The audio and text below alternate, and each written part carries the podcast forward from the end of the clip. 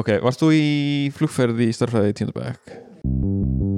Flugferði í starfræði í tíundabæk Tíundabæk, tíundabæk, tíundabæk Halló er eitthvað að frétta? Já það er ekkert að frétta. Já það er ekkert að Tíundabæk frétta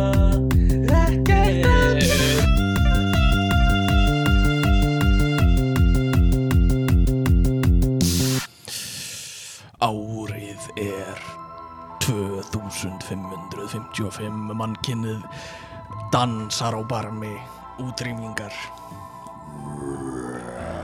Það eru risastóri froskar sem ráða ríkjum á jörðinni. Ribbit bitch. Get ribbit bitch.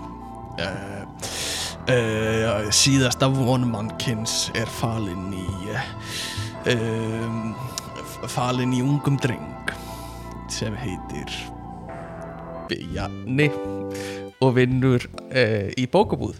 Sæll Bjarni. Já, hvað má bjóða þér? Takk uh, fyrir eftir að leita? Hérna, mér var sagt að þú væri með gerðinga vopn fyrir mig. Já, uh, bækur í sjálfu sér geta verið geringa vopn Já, og þú beitir þeim á réttan á og beitið um á réttan hátt. Uh, Velkomnir í uh, 60. og hvað, 7. þátt, ekkert að frétta? Um, Við erum með góða gest, Tómas Þórir Tómasson er mættur aftur. Góða kvöldið, Góða kvöldi, gaman að hafa mig aftur. Góða daginn, góðan morgun, hvar sem þú ert. Góða nótt. Um, Björgvin er líka með okkur í dag. Hann er búinn að vera uh, í námsleifi sem svo kennararnir sem voru alltaf í skólanum ykkar fóru alltaf í námsleifi Já, hann er á spáni að læra meiri starffræði Eins og hann kunni ekki nóg. Já, það er alltaf verið að breyta starffræðin náttúrulega. Uh, og spá af einhverjum ástæðum er alltaf með nýjustu starffræðina uh, og uh, já, þú LHI, það er þitt líf. Í lífið er fínt, gott Mhm. líf. Og uh, uh, og verið að opna bjóra hérna. Hvað er rauðvin dagsins? Rauðvín dagsins er gerjað brauð. Gerja brauð. Gullið freytt og meiðið í magan daginn eftir. Mm, Karlsberg, keiftu Karlsberg Stöðningsæðili þáttarins í dag er uh, uh, bángs, brúður, brúður og bángsar. Uh, Lifir einn, átti ekki vini. Uh, Brúður og bángsar. Mjúkt og hart, mjög næs. Já. já, já, við höfum gert þetta betur en, en hérna, þetta var ágætt. Við ætlum að tala við ykkur í dag um fremtíðin uh, det, det beste tíði um, og þetta er svolítið sko ég tók ekkert ósvipaðan þátt í tækni podcastinu. Uh, og ég ætla ekki að segja ég sé að stela eða herma en ég er svolítið að stela og herma og hérna Uh, en ég ætla, þú veist, þetta verður annað efni en ég gerði þar en kannski svona svipa koncept en þá töluðum við Sævar Helga stjörnu Sævar uh, en allavega, hvað segir þið gott í dag? Það er helgi það er, það er svona allt, allt á fullu. Ég ætlaði að vera rosa duglur í dag en ger ekki neitt. Já, við klassíst, það er gott að heyra. Uh, en þú Tómas? Bara vinnuhelgi, mm, skóli, stús og, og vesen. Að hljóma vel. Gott að vera komin hingað í smá svona frelsi.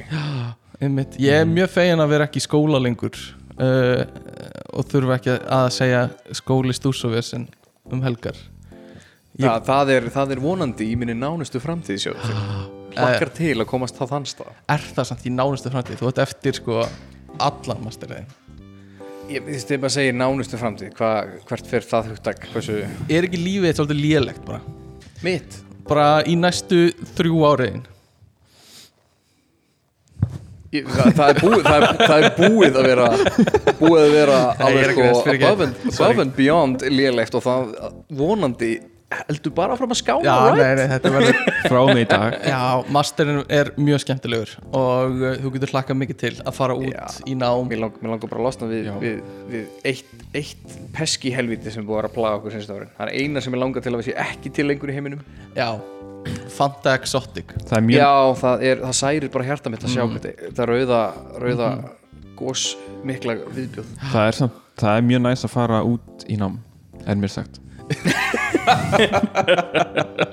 Þú áttir náttúrulega að vera í námi 2020 og uh, Yes. komst ekki eina sekundu út úr af Íslandi nei eða, ég tók það ákvörðun að gera það ekki. Ég hefði alveg getað gert það. Já, já. Það finnst það hefði ekki verið neitt öðruvísi. Það bara Þú hefði Nei. hefði bara verið að gera nákvæmlega saman um bara í öðru landi. Já, Í og verri mögulega, íbúð og dýrar íbúð Já. og og mögulega meiri svona, hérna Frelsisskerðing. frelsiskerðing Já. Borða öðruvísi mönns, svona that's about it.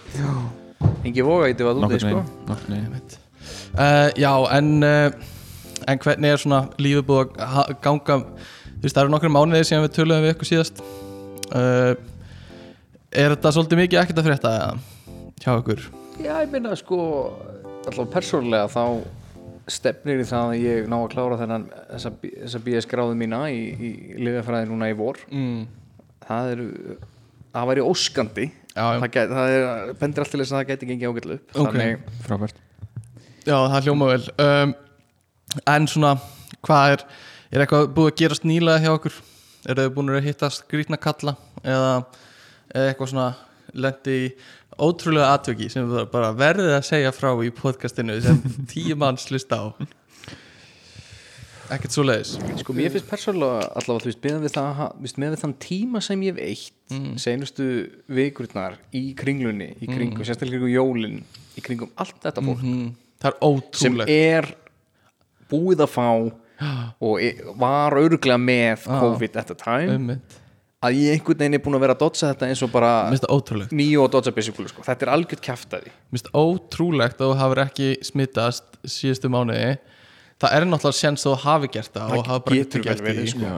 En veiran er allavega á blaði búin að reyna og henn er búin að bú, búið að mistaka ég er enda komin inn til þín. Þú reyndir, Já. þú reyndir besta. Þau gerði þitt Já. besta til að smita Tómas það ég náttúrulega, ég smitaðist um, jólin. Já, hvernig komst út úr því? bara fínt. Uh, ég fekk mína greiningu á Þorláksmessu. Það er besti það Já, er rosalega vond tímasending. Ég vaknaði á aðfangadags morgun með skilabóð frá Þórulvi um að ég væri með COVID. Já, einmitt uh, Do- Persónulega. Dottie sent you a message, you're fucked buddy. No Christmas baby. ég hef fengið skemmtilegri gjafir frá hérna, kertasníki Já, já, Já, sótarnarsníki kertalæknir. Kertalæknir. Uh, En, uh, en uh, þú veist, hver voru einkenniðin? Kendir þér einhvers megin? Um, sko ég hef fengið verra kvef. Já, þið hefur fengið verra kvef einmitt, einmitt, einmitt. þetta, já, þú veist, ég ég, það var mjög leiðilegt að þurfa að vera í viku heima yfir jólin með og ekki veikar en þetta. Nei, og finna voða lítið. Og þetta var bara eitthvað það er jafnvel eiginlega versta það ekki Þú veist, ef þú hefði verið veikur það er maður svona, ok, ég er veikur. Ég gæti hvort ekki gert neitt, en mér líður ágætlega en ég má bara ekki hitta ástvinni og, og fjölskyldu. Mm. það er alveg svona smá salt í sárið sko. smá, en ég vil freka vera ekki veikur heima en veikur heima. Já, já, já, já. Vist, það er alveg, alveg gefið sko. Já, það er reyndar. Uh, Já, ok, þannig að þú, þú ert komin undan þessu. Þú ert hérna ég þarf ekki að fara í aðra bólusetningu. Nei, allar ekki bíli ég hef ekki skilabóð um að, ég bóði bólusetningu núna í byrjun februar og svo stóð í lokin á skilabóðun bara ef þú ert búin að fá COVID nýlega hunsaði þetta Fuck off Já, en alltaf glemist að minnast að þú alltaf fórst í lungnanám það er að taka eitt þriðja af öðru lunganum þínu út af COVID, right? Jú, Já. það er, já, já, það var hvað var það langt nám? Tökjara uh, já, Það er svolítið langt nám. Það er svolítið erfitt að tróða inn á bara ykkur nokkra vikur sko. Svona diplómanám. Mm -hmm. mm, þetta var svona hraðbrutt diplómanám. Um, Já, við, ég hérna er að hugsa um að fara að fá mér þetta bráðum. Ertu ekki búin að fara yfir því? Jó, ég er búin að fyrir þriðin nefnilega. Ég ætla bara að þér var- veiruna. Já, Já, þannig að, að hérna, það fyrir að líða því. Ekki en, að veist, já. En það er ekki búið að basically segja að, að þú ert ekki lengur að fara í sótví eða þú veist, Mm. ef þú smitast utan heimilis þá er það eitthvað svona 5 dags Sko- sko, smit mér gátt sem enginn veit hvað þýðir ég sá svona hérna skýringarmynd Mm. um hérna þessa sótkví ekki, mm -hmm. þessa mismöndi reglur um sótkví Mhm. og ég held að sé þetta hérna á Twitter Twitter. Twitter, Twitter. Twitter.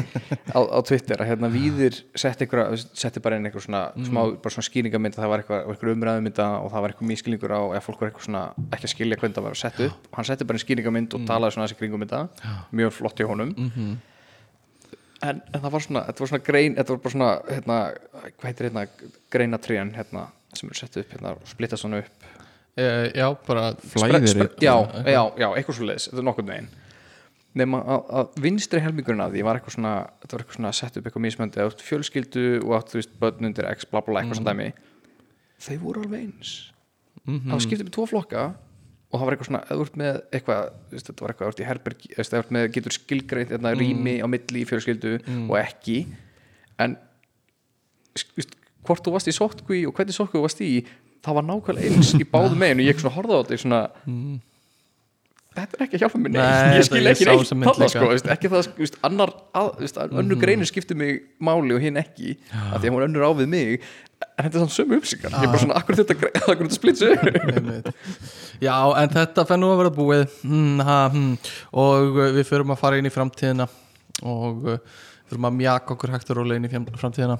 Mér finnst, Hlustundur eru í framtíðin já, hlustendur eru í framtíðinni Ú. og vona að sé gaman þar. Það er gott teik langar að vera þar. Uh, Sko, ég er búin að segja þetta svolítið oft eh, hérna í podcastinu en þú veist, mér finnst eins og síðustu tvö ár hafi bara ekki verið neitt. Mér finnst smá eins og ég hafi mist út tvö ára æfuminni já, já. í, í þessu. Og ég er svona að pæla af hverju mér líður svolítið eins og þú veist, þetta hafi gerst rosa hratt og, og hérna þú veist, mér líður svolítið eins og þetta hafi verið rosa stuttur tími en samt einhvern veginn ekki rosa, eða þú veist, langur tími. Og ég er bara að pæla hvort það sé þú veist, að því maður maður mót, að því allir dagar eru eins maður er bara heimi á sér, maður gerir ekki neitt hvort maður mm mótar færri minningar. Held að þannig það sé svona þegar svolítið- hins er bara, já, bókstæla það einsleitnin Já. dagarnir eru eins þá glemast þér horfið tilbaka þá veginn svona er upplifinu þannig að þetta sé bara fáir dag eða þú veist bara einhvern veginn Mhm. já, Ég mjög líka að finna sko, að, að ég er búin að vera hérna í þessu veist, ég held ég að fengið eina önn fyrir jól á fyrsta ári Já. COVID-fría, svo bara eftir óvorunni þá byrjaði þetta og þetta er búið að vera í gangi allan tíma síðan Já. Ég finnst eins og ég búin að að læra verð, Eftir, ég, ég man minna af náminu mínu af því að dagarnir eru svo einsleitir að það er ekkert sem að trakka tilbaka. Veist, þetta er bara að opna töluna, horfa á fyrirlestra. A- að því vanalega, vanalega lærðuru já þessi efnasamsetning ég man það át af því að kallin í kaffeteríunni var að öskra Já, og já, hérna- svo er er Ah, einhverju tíma hjá maður sér rennur alltaf einhverju bananhýði og þá svona maður man alltaf nákvæmlega hvað var að tala um þá. Þessi regla sem ég Já. þarf að leggja um minnið að banana hýðisreglan En ég, ég held að fjölbreytnin samt þú veist, að því að einsleitt, ég held að einsleitt bara svona hægt og rólega svona Já. dempar algjörlega. bara minningar á höfuðið veginn. En sko tengt þessu svona, mann finnst á eins og maður sé búin að vera í einhverju veist, kannski ekki beint fangelsi en í einhverju svona tímaleysi síðustu tvö ár. Um, ég sá á netinu það var svona mundiru fyrir pening spurning og það var þú veist fyrir fullta pening sem er bara veist 15 miljardar dollara. Þetta er basically Já, basically það mikill peningur þú gætir ekki eitt honum eða þú myndir reyna á æfinniðinni uh, og uh, ekki segja því. Þú gætir ekki gert það Tómas þú gætir ekki eitt honum þó þú myndir reyna það. Ég ætla að kaupa Kongo það er kostar örgulega minna en Andjóks. Sko, fyrir til gældmeðlum allavega. Ég er að, já, ég er að já. og hérna fyrir þetta mikið pening myndiru uh, verja einu ári inn í svona svona geðveikra herbyggi, ég veit ekki hvað ég get kallað annað. Svona Já, hljóðdempa hvítt- herbyggi Já, sem ég er sé það svona já. pattað herbyggi með eitthvað svona mjúkum veggjum og þú hefur enga afþreyingu þú veist, ekkert sjónvarp, engi þættir ekki neitt þannig. Þú er bara máltíð, þrjá máltíð á dag og ert þarna Já, og, og það er sennilega bara klósett ég veit ekki hvort það komi út af vegnum þegar þú hægt að kúka eða, eða er bara hana en þú veist, það er engin afþreying þannig að þú ert bara inn í hvítu herbyggi og í heilt ár. Uh, haldið þið að gæti þetta? Ég held að lifið þetta bara Nei. enginn af. Með fullir vinningu þú við sáum hvað kom fyrir Michael Stevens. Þeir viltu útskýra það sko Michael Stevens er? Uh, bara, Bara- mindfield í þetta er, þetta er youtuberi sem gerði þætti. Mjög áhugaverða svona vísnandætti og í einum tók hann fyrir svona uh, isolation eða, hann var basically í viku í þeim aðstöðum sem þú ert að lýsa. Nei, hann var í þrjá daga. Ok, hann var ekki eins og í viku. Nei, hann var, var ekki hann, svona í halva viku. Nei, hann var í þrjá daga. Já, dreif ekki í halva viku sko. hann var gjörsamlega búinn. Hann var inn í svona herbyggi ég held samt meiri sé að hann hafi nei, nei, hann var bara inn í svona herbyggi hann var með rúm eða eitthvað og í þrjá daga þú veist, það var engin munur á dagspyrtu held ég og næturljósinu. Og bara eftir þrjá daga var hann bara brotin manneskja basically. Ég held líka sko og málið hefur er- verið síðan þá sko. já, maður sá alveg bara breytingu á, á öllu sem hann gerði. Þú veist, ég held að þetta er- þetta líka sko þú veist, að, þú veist þegar þú veist ekki dagsmunin Mhm. ég held þú fattir ekki að þú ert örgulega sofandi já, bara að þú hefur ekkert betra að gera. Þú ert örgulega sofandi bara í Það gæti 16-18 tíma. Það er spurning hva, hvort þú myndir líka fara að- um einhver svona off-skinninni sem Já, heilin alveg býr bara til og býr til einhver örfun bara Já, til þess að fá einmitt. eitthvað sko. ég sé líka, ég hef heyrt allavega, þú veist, allavega svona, með, með svona hérna, þessi fullkomlega hérna hérna hljóðdempuðu herbergi sem eru til. það er bara svona algjörlega bara, þú veist, þú átt ekki að heyra neitt. Að besti triggerinn er sá að þú heyrir hjarsláttin í eyrunum á já, ég hef heyrt þetta og líka þú veist sko. að þá, þá er alltaf bara þetta konstant tikk að því að blóðið er bara slá. Að fólk, það, það gjörsalega fer með fólk sko. ég hef heyrt eitthvað svona þú verður, þú verður crazy ef þú eyðir eh, þú veist, klukkustund inn í mest hljó, svona hljóðlátasta herbyggi heimi. Uh, ég, ég ég held að þetta sé smá ykt mögulega. Ég séð, ég séð einhvern, einhvern, það var einhver youtuber sem fór inn í svona herbyggi og var þar í einhverja 1, 2, 3 tíma eitthvað svoleiðis.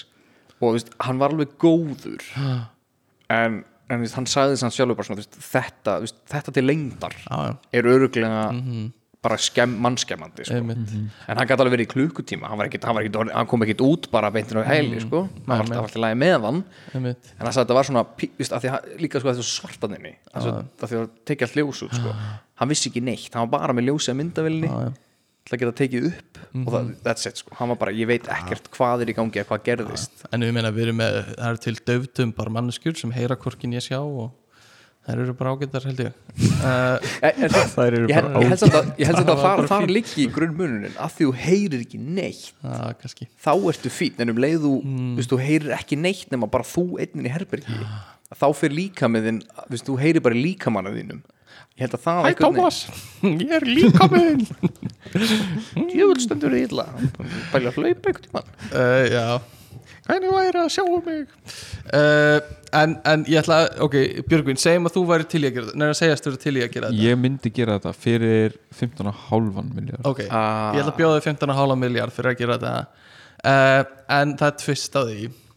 Þú þarft að uh, Þú þarft að vita hvenær þú átt að fara út Og ef þú ferð of snemma Þá færði ekki neitt. Í eitt ár? Í eitt ár. Ekki séns. Það er bara ekki fræðilegu möguleiki að En hvernig myndir þú tekla Hvað hérna Hvernig verður best að tekla þetta? Þú veist, myndir ef þú ætlar að ná þessu on point þá ertu bókstarlega En bara þyrftir ekki Þú svolítið veist, Michael, overshoota okay, Michael Stevens var þú veist, hann vissi ekkert hvað er í gangi eftir þrjá daga. Hann vissi ekkert hvað hann var búin að vera lengi hann inni. Mhm. þannig að þó þú ætlar að overshoota Já, að þá þú þyrftir að overshoota svo eða þú þyrftir að vera sko, svo vel viss sem að þú væri eða það samt. Uh, já, ég, ég held ekki, sko, ég held þú erið geðvikur árum myndir átt að ég held, ég held að geðviki myndi fara með Já, já, af því þú ætlar að ná þessum penning þú er búin að vera það lengi, þú er búin að investa það miklu tíma. Þú veist ekki Mm. at the end of the day hversu miklu tíma þú ert búin að vera þenni það sem ég geti gert Ég er með eins árs skegg á mér akkurat núna Þannig að ég geti raka mig áður en ég fyrir inn Og slefti ég að raka mig Og svo mælt bara skeggi mitt alltaf. Ég held samt sko, þú, Hvenær? ég, ég held samt á skegg eh, með hár. Einhverju tíma hættir það að vera skil Hraði að dregst úr hraðanum. Já, e- ekki, Það hættir að vera hár Og verður Nei, þú veist, ástæðan fyrir að skeggið vex ekki út 20-30 metra út Mm. á við er að því að það byrjar að dragast niður og, og mm. skeggvöxtur, þú veist, það bara byrjar að detta meira úr því eftir time, þú veist, Mm. það, það væri engin mæleining, sko. Þetta væri frábær mæleining sem myndi hjálpa mjög mikið En pælis þetta líka, þú veist, ef að pæli við því þú getur, sko, þú veist, eftir eftir kannski tvo mán, þrjá mánuði mm. þá eru neglutur á þér svo langar þú getur ekki eins og nota puttan á þér lengur að naga þér, come on next please þá, þá var strax önnu mæliðning farin, right? Já, myndir, myndir þú nota neglunar í stað fyrir skeggið þitt? Ég, ég, ég bara, ég veit það ekki ég er bara að segja, þú veist, meira, þú veist jú, jú, en þú veist, þú fyrir hvort er ekki nota putuna þína í neitt að þú gætir, þú gætir talið sko, þú gætir verið búin að finna út hversu lengi þú þarfst að býða að neglina þínar eru komin í ákveðna lengd og svo nagar það af -hmm. og byrja á núlpunti ég held að það getur verið betri líka af því, þú veist, þú veist, hvað, þú veist, hvað, tvær vikur að fá einhverja neglu sem að þarf að klippa af svona almennilega, mm.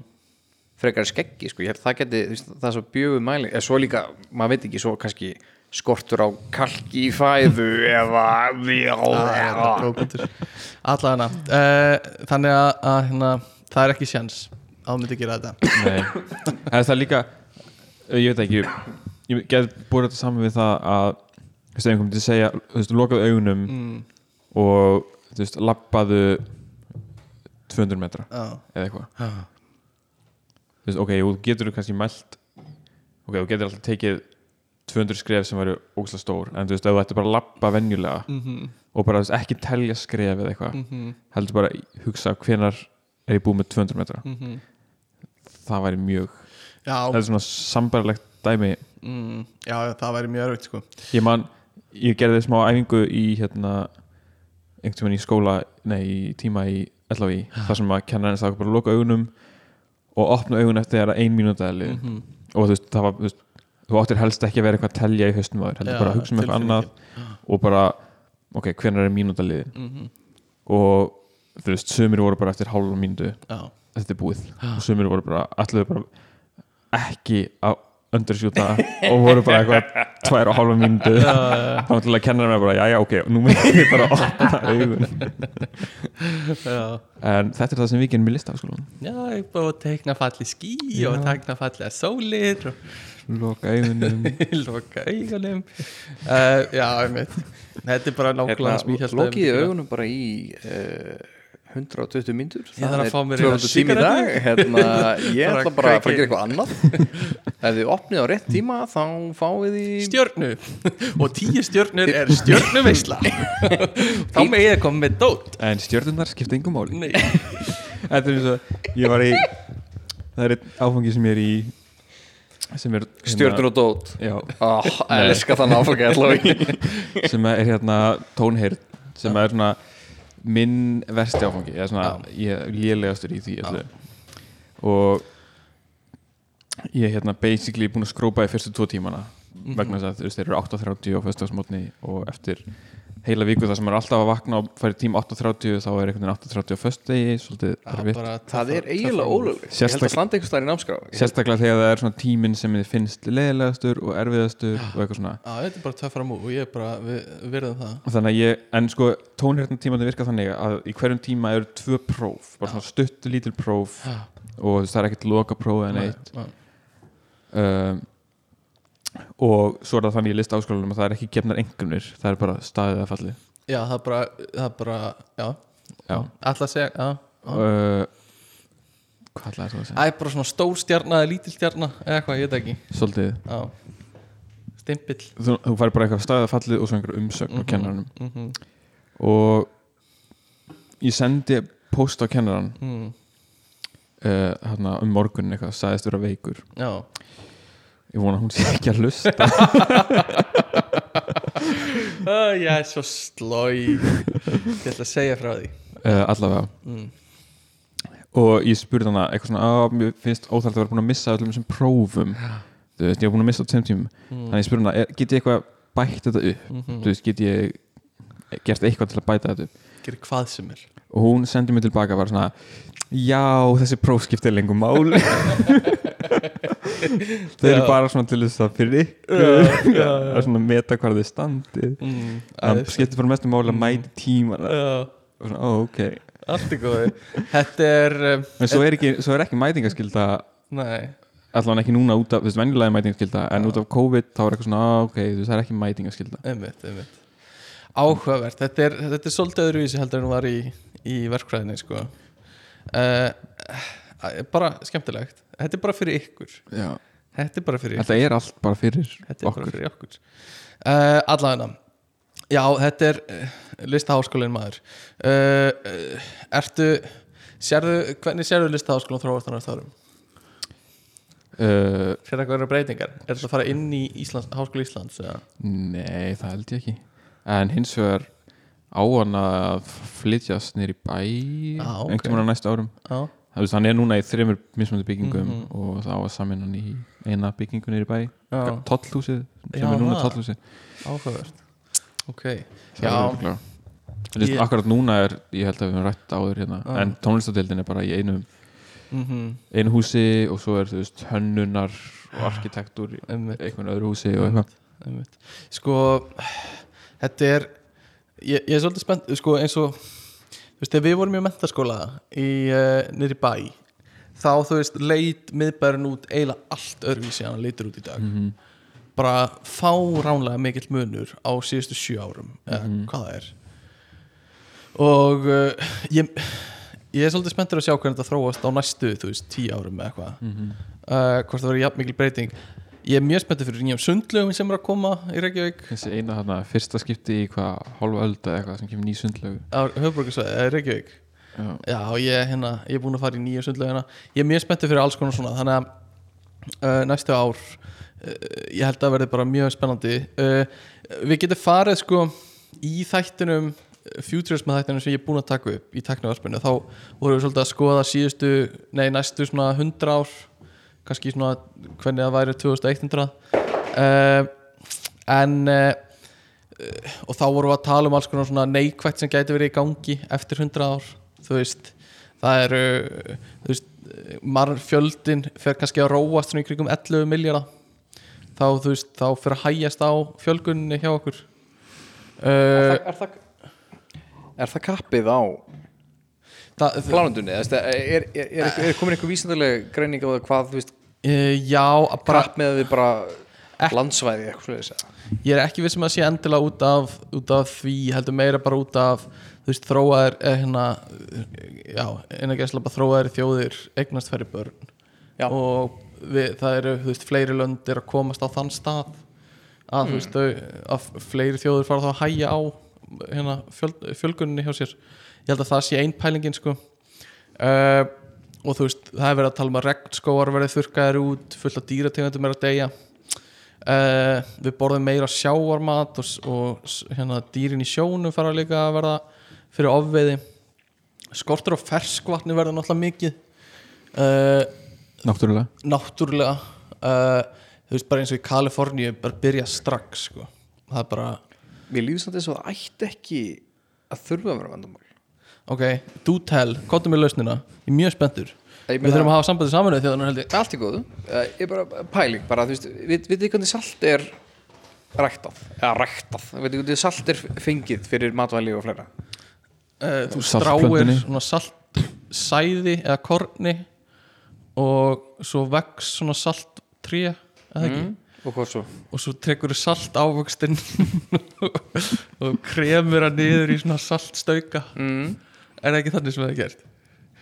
Og Ég var mjög spenntur að heyra meira sko, persónulega, ég veit. Santa Maria saltstaukanir vaksa á trjá já, vaxa trjá astanlega þá, einu ástæð fyrir svona almennilega veit hvernig þetta er gert er að því að hérna, við fórum oft til spánar þegar yngri. Já, frænka minn átti sérst húsaspánu við fórum fjölskylda fórum mörgaröð bara á sama stað. Saltri ekru þá. Já, salt egruna rækta salt salt ekru á egruna spáni já, Mhm. ok.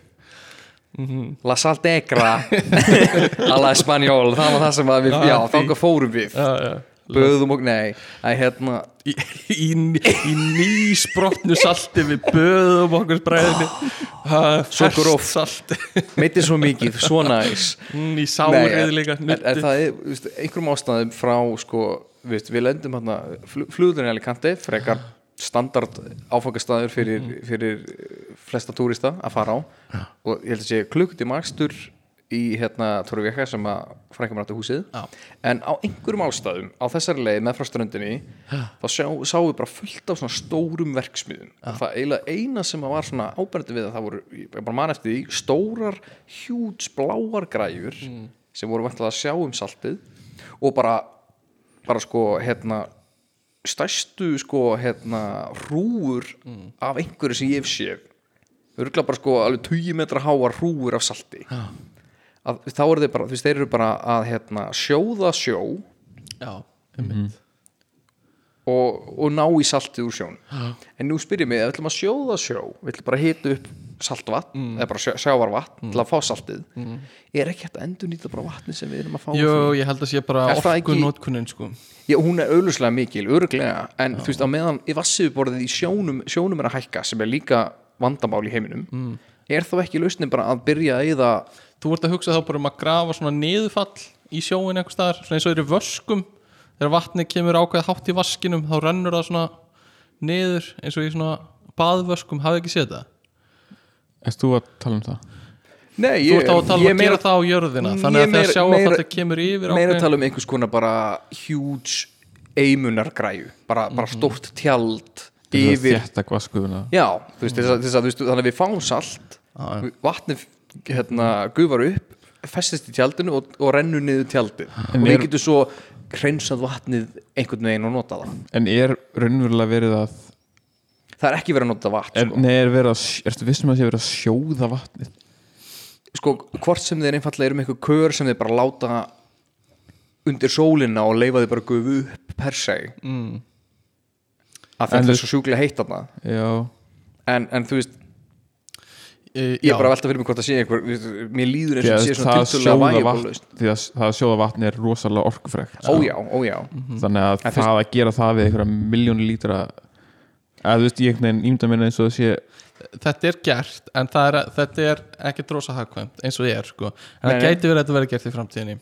Þannig að En maður, maður spyr sig eins og fyrst fyrir land eins og Ísland sem við erum allavega, þú veist, höfum alltaf verið með þessa gífulegu umfram orku sem er að velta fyrir okkur við erum ekki bara að selja með því að bú til hérna, hérna já, reyndar ekki núna, það er orku skortur á Íslandi. ég, veistu, ég, það er eitt af einhverju svona hlutum sem ég áttum ekki alveg á. En hvað það er- gerðist? Af hverju erum við allt komin í orkuskort? það rennur ekki vatn eins og það var gert ráð fyrir held ég í Já. Vatnsá- Já, það er einhvers staðar þar sem að Já, vassrensli er það er ekki mögulega sko, sko En svo náttúrulega það, það þarf það bara að virka mér að, þú veist, Já. Það er náttúrulega það sem að Já, það verðist vera bara það sem er að gangi eða fá kjarnorku verið upp á langjökul eða eitthvað mm, það verður líka hægt mm.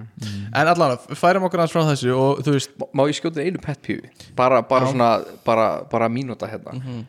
þegar við séum auglýsinguna frá hérna, orku náttúrunar það sem að hérna, Kristín Péturs hérna, veit ekki hvað Kristinn hún er, hún er hérna, dökkarðið hérna, samfélagsmiðla mógullin ok, þetta er svona auglýsing sem er svona orku náttúrunar er eitthvað svona slögt á þvottavilni já, da da da da da da eitthvað.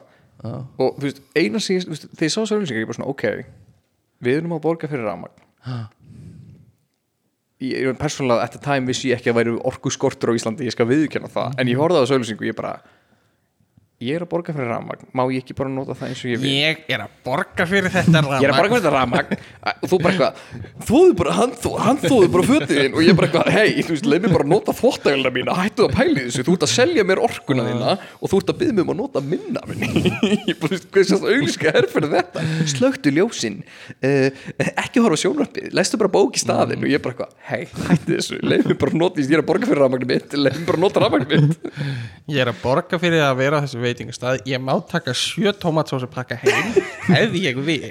En þeir sem basically að að byggja almenning um að nota minni orku þannig að stóriðan getur nota meira orku. Já, sem er líka algjörlega siðlust og borga fyrir ykkur auglýsing að vera bara hérna, eh, ef þú getur slögt á ískapnauðinum á milli bara 6 og 10 þá var það frábært. Ég veit ekki, kannski væri það samt ekki ég veit ekki hversu mikið af stóðurinu fer þú veist í ríkisjóð eða beint í vasan hjá fólki í landinu veist, eða er þetta eins og kvótin það sem það fer bara á tíu einstaklinga eða eitthvað veist, ef þetta myndi enda hjá landsmönnum aftur þá er alltaf lægi að byggja um að stóriðan fengi rámagn eða meira í lægi en ef við erum að byggja um þetta til þess að Jeff Bezos verði ríkari þá er það alltaf öðruvísi um, það er náttúrulega uh, öll stóriðu fyrirtækin eru náttúrulega með samninga við landsvirkjun Mhm. sem er ríkisrikið Mm. mm. það ekki mm. Og orðið land er í því, þannig að það verður eiginlega að vera ríkisir ekki held landsbankin þannig að landsmókin er engavættur nei nei, nei, nei, nei, nei, þetta er stendur ykkur blað einhvers þar Já, nei, þannig að ég en ríki græði náttúrulega á stóriðinni já, mér finnst það í ríkja eftir bara að setja upp sínu eigið álver og eitthvað í staðan fyrir að vera með alkó í þessu. Ríkisrikið álver. Ríkisreiki álver. Ríkisrikið allt já, bara. allt ríkisreiki mm. og mér finnst að sumir eru til dæmis jafnari en aðrir. Og uh, þú veist, það án, eiga náttúrulega allir að vera jafnir en sumir eru bara jafnar en aðrir. Eins og svínin. Eins og svínin. Oink oink uh, en hérna, já, en svo er þú veist mið austurlönd líka að verða helviti þurr bráðum, þannig að það spurning hvort það verði svona vassflótta fólk sem er að þú veist verði ný, einhver svona bylgja flótta fólki út af vasskorti í heimalandinu. Sem er samt einhvern veginn svo fyndið koncept að því að meðan sjávar, sjávar yfirborðið er að hækka alltaf sem er að valda gífurlegum vandamálum í heiminum þá er samt líka skortur á landinu sjálfu með vatnu og allir er eitthvað svona hei það er ómikið af vatnu samt ekki nóg mikið af því. Já, já, uh, Bíómyndin Waterworld Já, starring Kevin. Costner. Uh, Maldívejar fari sjóin uh, borgir verða þéttari það eru einhver tungumál sem degja út við tölum bara ennsku og spænsku. Holland hverfur já, nema að þið byggi bara hærri vegg. Bara grafa sér neðar og byggja herra sko, ég, ég sé fyrir mér einhverju Game of Thrones dæmi. Þar sem veggarnir orðið bara 300 metra hára og Holland lífir enn. Og það er einhver svona úrukai sem er hlaupandi með einhver svona kindil að reyna að komast að vegnum skjótiði hann skjótiði hann. Allavega uh, þetta, er, þetta er listi sem ég las svolítið upp í hérna hinnu podcastinu. Ég er með hérna skrifað og ég veit ekkert af hverju þetta, ég gerði þetta fyrir nokkrum hérna, fyrir nokkrum mánuðum. En ég er með skrifað hjá mér ráðherrar framtíðarinnar spurningamerki. Þetta er ykkur eitthvað í hug hvað ég gæti hafa verið að meina hana? Uh, þú veist, ætla við vitum öll að ráðherrar í heiminum drekka of mikið vatn já, ég er ekki sem að tengist vatni sko. Jú, það, er- það er lítur að vera. Að þú, Vatnamálar ráðherra já, vatnamálar á þetta það gæti svo sem en kannski er það að pæla þú veist, hver verða ráðu neytin já, gæti verið. Ég er alveg komið upp í kóka af ráðunita skiptingu í, í hérna á þessu kjörtímabili. Mm. Og hinnu og hinnu gaman málar á þeirra Brúamálar ráðherra brúðamálar á þeirra drullupollamálar á þeirra já, já, samfylkingin fær drullupollana já, auðvitað, auðvitað. Uh, en já, gæti verið ráðherra framtíða, gæti alveg verið ráðherra skiptingin ég veit ekkert af hverju. Uh, hvað, ok, en, en þú veist mynduði, ef þau væri með tölvu eitthvað módel sem væri bara frábært að sjá fyrir hvað var hvað væri þú veist best að gera í aðstæðum. Að hafa þú veist gerfigreind sem stjórnar landinu. Hvernig þú veist hvernig myndi ykkur líða með það? Að þú veist myndið þið samþykja eða myndið þið alltaf vilja hafa manneskjur sem, sem stjórna? Eða þú veist myndið þið vilja hafa manneskjur en svo fáðu þið ráðleggingar frá einhverjum svona algoritmum sem segja þú veist já þú ættir að samina þessa háskóla og stopna fjögur álfur viðbót eitthvað ég veit ekki. Við líður eins og alltaf sko að það kemur að fjármálum. Mm. Svo lengi sem að sé kannski ekki beint eitthvað eitthvað konar AI koncept sem að gæti klikkað hver veit. Já, Við höfum öll sé- það í bíómyndir. Ah, en, en þú veist bara einhvers konar algoritmi sem er bara svona að reyna að sjá fyrir bestu fjármálum fyrir landið per se eitthvað svoleiðis. Já. við líðum þess að það gæti gengið.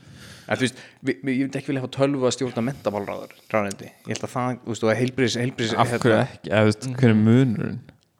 Að mér, mér finnst mentun ekki vera eitthvað skonar tölur. En mér finnst, við, finnst fjármál vera í grunninn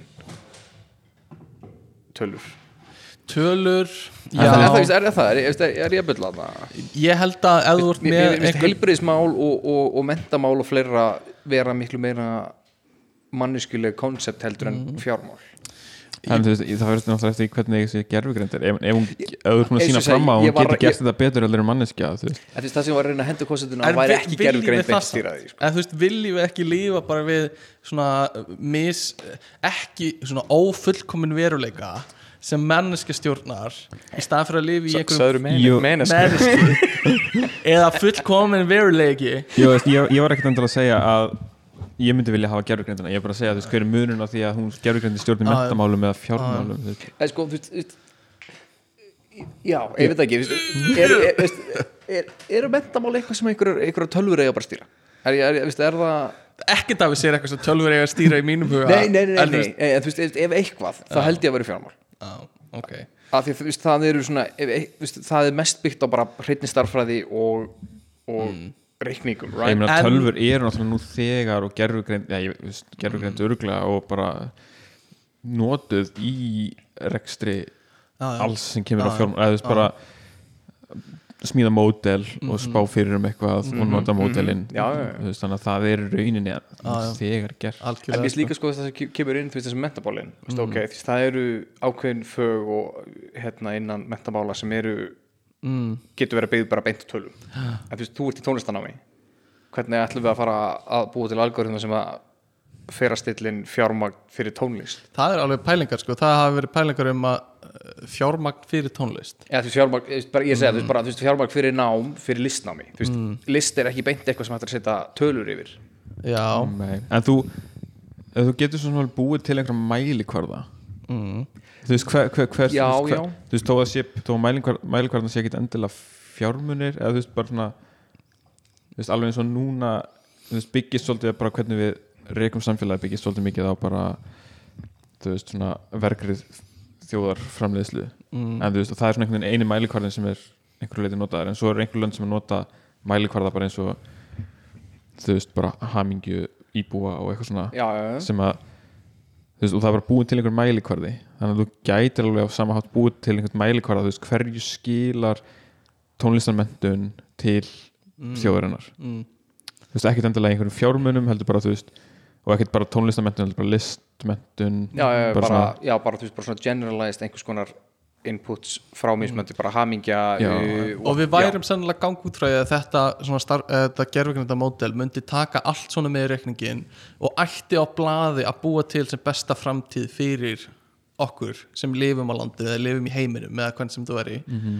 myndi við samt vilja treysta því veist, ef á blaði það ætti að geta gert þetta allt betur og það, sín, geng, við, það sýnir allt sem það hafa gefið í fortíðinu fram á það og þó að geti komið með eitthvað svona skrýtna eins og þú veist leggið niður alla leikskóla eða eitthvað svo leiðis en þá ættum við samt að treysta því að á endanum er það fyrir okkur bestu skilur mm, ég held já, ef að, ef að gerfugrindin myndi koma með svona ótrúlega uh, róttækar breytingar bara gerðu þess þetta ógislega mikið ógislega stundum tíma ég held að fólk myndi ekki taka vel í það. Því að þú veist, fólk fílar ekki svona mm, ótrúlega hraða breytingar. Nei, nei, Við, við, to be honest, við höfum séð nákvæmlega það með hérna, framsóknarflokkin Já. hann kom og hann, hann, hann, hann, hann breytti öllu. Og hann ætlaði að mitt, mitt point var meira að vísa í hérna, uh, hamlanir á, á aðgengi fólks að ímsi þjónustu og fleira varandi COVID mm. að það kom umræðum hvort það ætti ekki bara að vera lockdown í tvær vikur. Mm. fullt af fólki var bara, þetta er snill við bara, við bara lokum þetta af kvættum niður bara í tvær vikur, gerum ekki raskat í tvær vikur og þá verður bara allt betra eftir tvær vikur. Og svo er hitt fólki sem er bara, þetta er alltaf ekki hægt. Ég þarf að geta gert eitthvað í tvær vikur. Já, já. Veist, þannig þú veist, ímyndaður ef þetta væri bara, eins og þú sagði, rótaka breytingar eins og bara, heyrðu, leikskólum verður bara lokað í sex mánuði af einhver ástæða því einhver tölva sagði okkur að gera það. Og allir verður bara, já, það, já, ég ætla að hafa batið mitt heim í sex mánuði.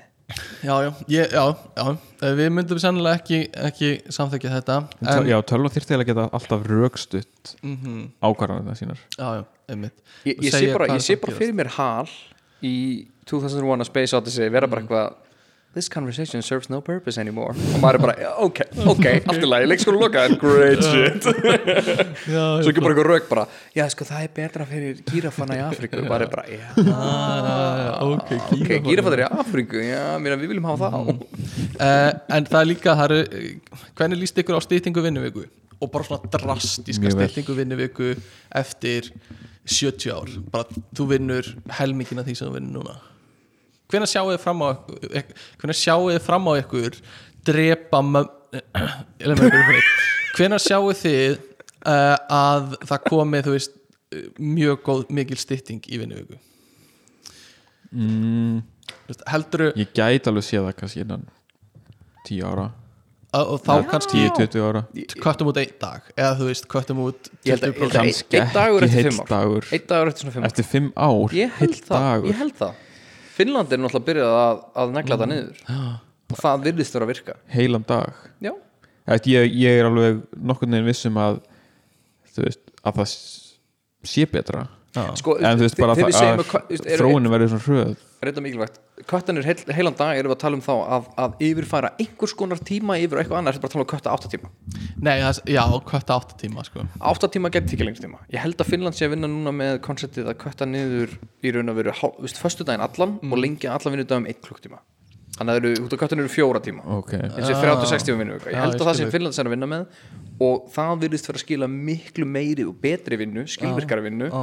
Það er engin svona drastik einhvers konar hérna, skort þess, hérna, fyrirtæki er alveg að gera nákvæmlega það sem eiga verið að gera. Já. og fólk er frekar til í að vera klukktum að lengur fjóra dagiröð og fá það bara föstu en off. Já, bara 30 Já. já.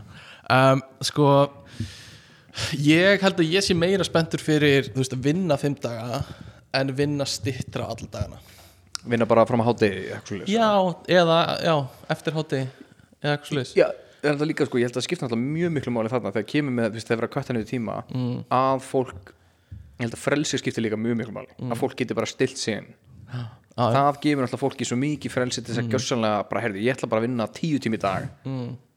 svo ég geti bara sleppt tveimu dögum í vikunni, já, já, eða eitthvað svo En það er náttúrulega er sumstaðar þannig nú þegar.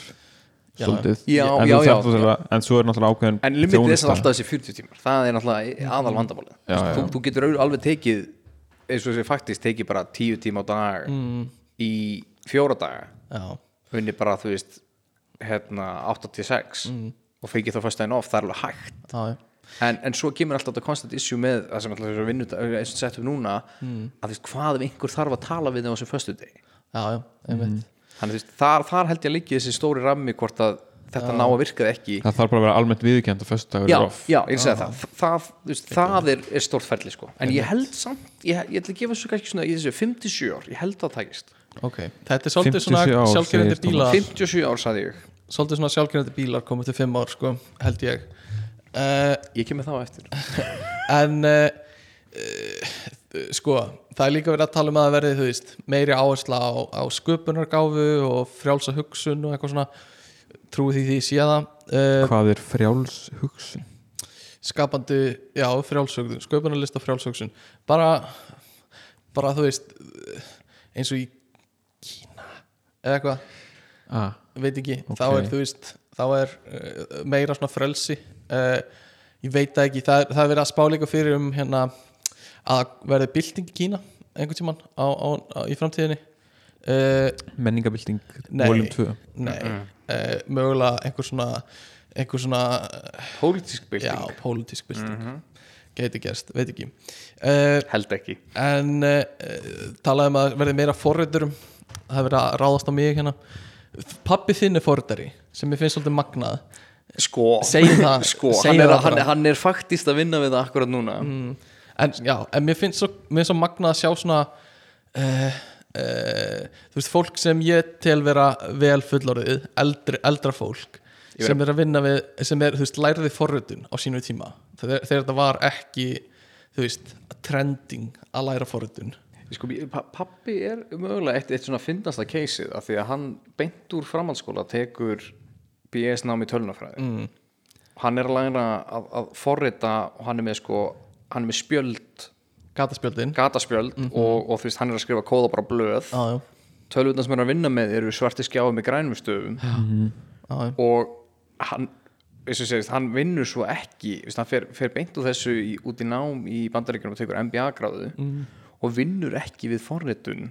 Þá gæti hann orðin 59 ára gamall þá fer hann að vinna fyrir DK og hugbúnað og er Já, núna já, að krakkar mínir, forrita hvar eru gataspjöldin ykkar núna? hann, hann vissulega hann svona inn á milli hann var ekki beint að vinna við það en hann var svona inn á milli svona Dúlla? hann var, hann var svona hálfgerður ráðgjafi. Ah, ok. Tölvudeldi svona kíkt alveg á hann ah. af því að veist, að- alltaf það sem hann gerði og það var alltaf með snýru sem hann hefur gert örgulega gegnum tíðina er hann held þessu við. Mm.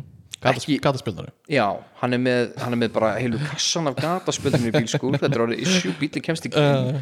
Nei, en hann, það sem hann gerði og hefur sem er alltaf frábært, frábært fyrir persónlega maður þarf að taka kannski til sín að hann hefur viðhaldið já Vist, hann, ah. hann, hann er bara verið með forritun ímis hérna C-sharp og fleira bara í tölvunni heima til að prófa sig áfram bara til að vera með á hreinu hvað er í gangi í þessum heimi þrátt fyrir að vera ekkert að vinna Nei, einmitt. Uh, og það skilaði sér klálega í endan Já, eftir að allt kom í ljós. Ég veit ekki, það verður kannski off frambúða forræður um einhvern tímann í framtíðinni og ég verður einhver gamall kall sem er með gagslusa gráðu. Uh, en uh, uh, verður að tala um líka hérna nýja samfélagsmiðla. Uh, sjáu þið það fyrir ykkur? Já, hann alltaf Be Real er mjög nýr. Mm. og hann og hann- tek þá til því. Ég vil sjá aldrei sé það. ég vil sjá nýjan samfélagsmiðl sem er þú veist sem er svona útópíu samfélagsmiðl sem er ekki að taka gögnin mín og nota þau og er ekki að gera hitt og þetta og eitthvað svona, er ekki vond fyrirtæki eins og Facebook og eitthvað svona. Mm. af því það verður þannig að öll þessi stóru fyrirtæki verða sko auglýsingafyrirtæki á endanum, Google er auglýsingafyrirtæki fyrst og fremst, Facebook er það eiginlega líka auglýsingafyrirtæki og allt, þú veist, þau verða einhvern veginn öll auglýsingafyrirtæki það, það, það, þessi samfélagsmiðl eru þá alltaf þannig að þú þurftir að borga borga fyrir inn á hann og ég væri alveg til að borga mig inn á hann sko. en virka samfélagsmiðlur ekki vegna þess að eru þeir eru já. og það, þá nota þau allir allir, Þú veist, að þú væri með eitt samfélagsmiðl sem að þú veist, væri með eitthvað svona módel þar sem þú þurftir að borga og svo væri með eitthvað annan líka mm -hmm. að þú veist, virka samfélagsmiðlur ekki vegna þess að það eru allir á samastæðanum Jú, og þess vegna vil ég ríkisreikin samfélagsmiðil mm. þar sem allir eru jafnir en sumir eru aðeins jafnar en aðrir. Mm og hérna og þú veist, þú tekur ekki gögnin og ert að nota þau í einhverju svona gróðra tilgangi uh, Nei, ég veit ekki, ég veit ekki þú veist, þetta er algjör svona útópíu hugsun sem meikar ekkert sens ef maður fer eitthvað út í það. Það er hugsun. Það er líka að fyndi með að því að mennsa býrýl Mér, veist, ég veit ekki hvernig hvernig gróðin Nei, það, finnst þar það að það kemur. er engar auðlýsingar á það ég held þetta, ég örglega en það, sko, en það er líka mér mér fyndi með býrýl hann stendur, sámiðl stendur gjörsanlega fellur með því að fólk noti þetta rétt. Mm, að því konceptið er að þú færði einhverja tilkynningu að þú átt að posta. Já. og þú veist, og, og, og veist, eins og allavega eins og ég er að nota og flesti allavega þeim sem ég er að fylgja sem eru einhver ákveðin hópur af fólki ég segi þekki Já. að fólk tekur bara mynd af sér að gera það sem það er að gera eftir time. Mm, það er be real, veist, það er bara veist, það er ekki að embellisa eða, eða gera neitt að breyta neinu, það er bara, ef ég er að horfa á sjónvarpið þá tek ég mynda mér það kemur hérna, mynda mér sagt hérna, úr frontkamera þar sem ég sitt og er að horfa á sjónvarpið og myndina því sem ég er að gera. Mm.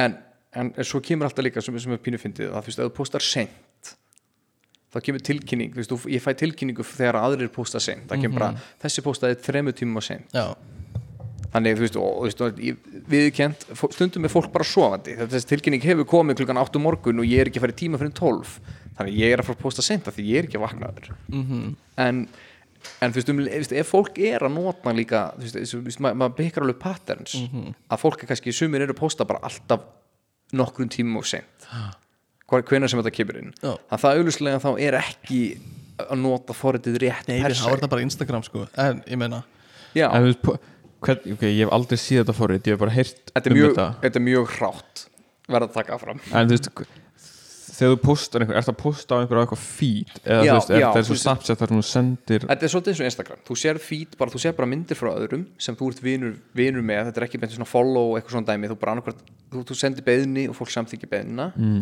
þá getur þú séð myndina hjá öðrum. En þú getur sko það sn- sniðuga við þetta er það að þú getur ekki séð myndir frá öðrum á sama degi nema þú sér þinni mhm, þannig þú veist, ég, það kannski kemur tilkynning og ég, þú veist, að bara þú ert að posta en þú veist, bara tvæ myndur þá ertu orðin að setna eitthvað svo leiðis og hvað En- gerist það úr veist, ég er raun og veru ekki neitt en bara málið er að ef ég ætla að opna þetta og skoða hvað þú ert búin að gera þú, að því þú postaður þá get ég ekki séð það nema ég sé búin að posta sjálfur. Ah, okay. þannig ég síni líka hvað ég er að gera og, og þú veist, meina, þú veist eins og núna, það kom tilkynning á það því ég var að fara á vinnunni. Myndi mín er ég að labba út bruna útgang úr vinnunni sem er líka, þú veist, gang, bara gangur inn í kringlunni. Þetta er mögulega ein óhafversta mynd sem ég hef séð. Þetta er bara mynd af gangi og veist, hérna, frontkamera að mér að ganga inn gang. Á meðan aðrir eru kannski að gera eitthvað. Sumir eru að baka sumir eru að, veist, þetta er svona, þetta er líka svolítið svona, hvað er fólk að gera á daginn? Að maður veit það ekki. Hvílum með þessa samfélagsmiðla. Ójá, Ég- endilega leiðilegir, vond, vondu vondu. Um, en uh, svo er líka þú veist, það verður meiri svona samtenging á milli allar hluta þannig að það verður í rauninni, þú getur hugsað eins og allir hlutir eru snjall hlutir basically, þú veist það er verið að tala um þetta byrjað núna með öllum svona sem snjall þú veist, Google Home og Alexa og bla bla bla, en þú veist svo fyrir þetta líka bara í ískapana þína, þú veist það kaupa inn fyrir þig sjálfur uh, það eru til ískapar þar sem, sem er skjár á ískapnum sem getur hort á YouTube og skjánum á ískapnum ég líka, ég, ég hérna ég fjárfæsti nýlega í hérna svona snjall kotta. Það er slá næst, þú leggst bara kottan já, og segir bara, Mr. Pillowman kill me. I would like to sleep. Já. þá kom svona græjur út á hliðinni svona brúsar og spreyja bara klóraform yfir mig. Og ég bara nice. Já. steinsopna uh, og uh, já, þeir eru líka sjálf, hérna, sjálfbærir þeir vinna klóroformið úr flösunniðinni en allavega. Um, og þú veist það verður líka í, í hérna fötunum það er verið að tala um það að verður all föt með eitthvað svona snjall fítusum þannig og ég, ég svona persónulega sé ekki tilgangin með því akkurat núna hvort það er þú veist hvað heitir þetta myndin? Það það er það er, mynd, ég man ekki hvað heitir hérna, þetta er svona þetta er svona 90s, eða svona early 2000 90s mynd. Mm. ég man ekki heitir Að- í myndinni er það, og semst að, að hérna, aðal, aðal uh, karakterin vaknar, er að fara í skólan hún fer bara í tölvuna. Mhm. og hún velur sér fötin sem hún vill vera í. Hún hanna bara lúkið í tölvunni á einhverjum einu, tvö myndum og ítir á takka.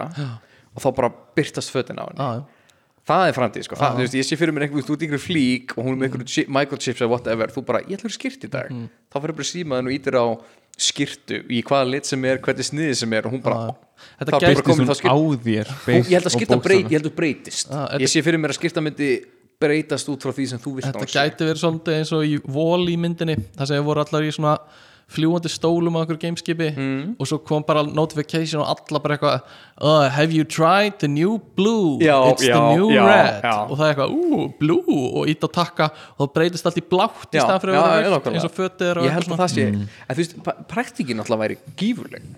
Þú er bara í þinnir vélflík. Já, bara í föðurlandi basically. Í eitthvað svo leið, er það er svolítið kalt úti, þú Mm. bara breyta, top, breyta toppnum í úlpu eða bara skiptir bara jakka, það bara, viðst, heyrðu mér, viðst, þú deitt heima ég er að horfa á bíómið mér er svolítið heitt, breyta bara toppnum í, í hérna, hlýraból Ok, eh, smá galdrar þarna en ég, ég gæti sé fyrir mér eitthvað svona þú ert með, þú ert með innbyðan hitara í fötin þannig að þú veist það- öll fötin eru með einhver svona einhver svona vef út um allt svona einhverjum vírum með eitthvað. Þannig að þú getur kveikt á hitaranum pappi með, hérna, hann er með Raynaud's sem er æðasjúkdómi sem veldur því að blóðflæði í höndunum á honum er slæmt í útlimum Já, og honum verður mjög kalt á höndunum almennt þegar sérstaklega kalt úti. Já, við gáum um til jólagjöf uh, hanska sem eru með bara hérna, batteri sem við getum og út Já. og hann hliður bara. Þannig að þegar hann er að ganga eða, eitthvað hvað það er sko, þá bara fer hann í þessa hanska með batteríunum og ef hann er kalt þá bara ítir hann að taka á hönskunum og það kviknar hann og hann hitar hann á höndunum já, þetta, þetta, er- þetta framtíð, Já, sko. þetta er- þetta er framtíð sko. er nútíðin. Já, þetta nútíðin, þetta var framtíðin í den. Já, en bójós, við lifum náttúrulega í future is now, sko, við lifum svolítið í henni.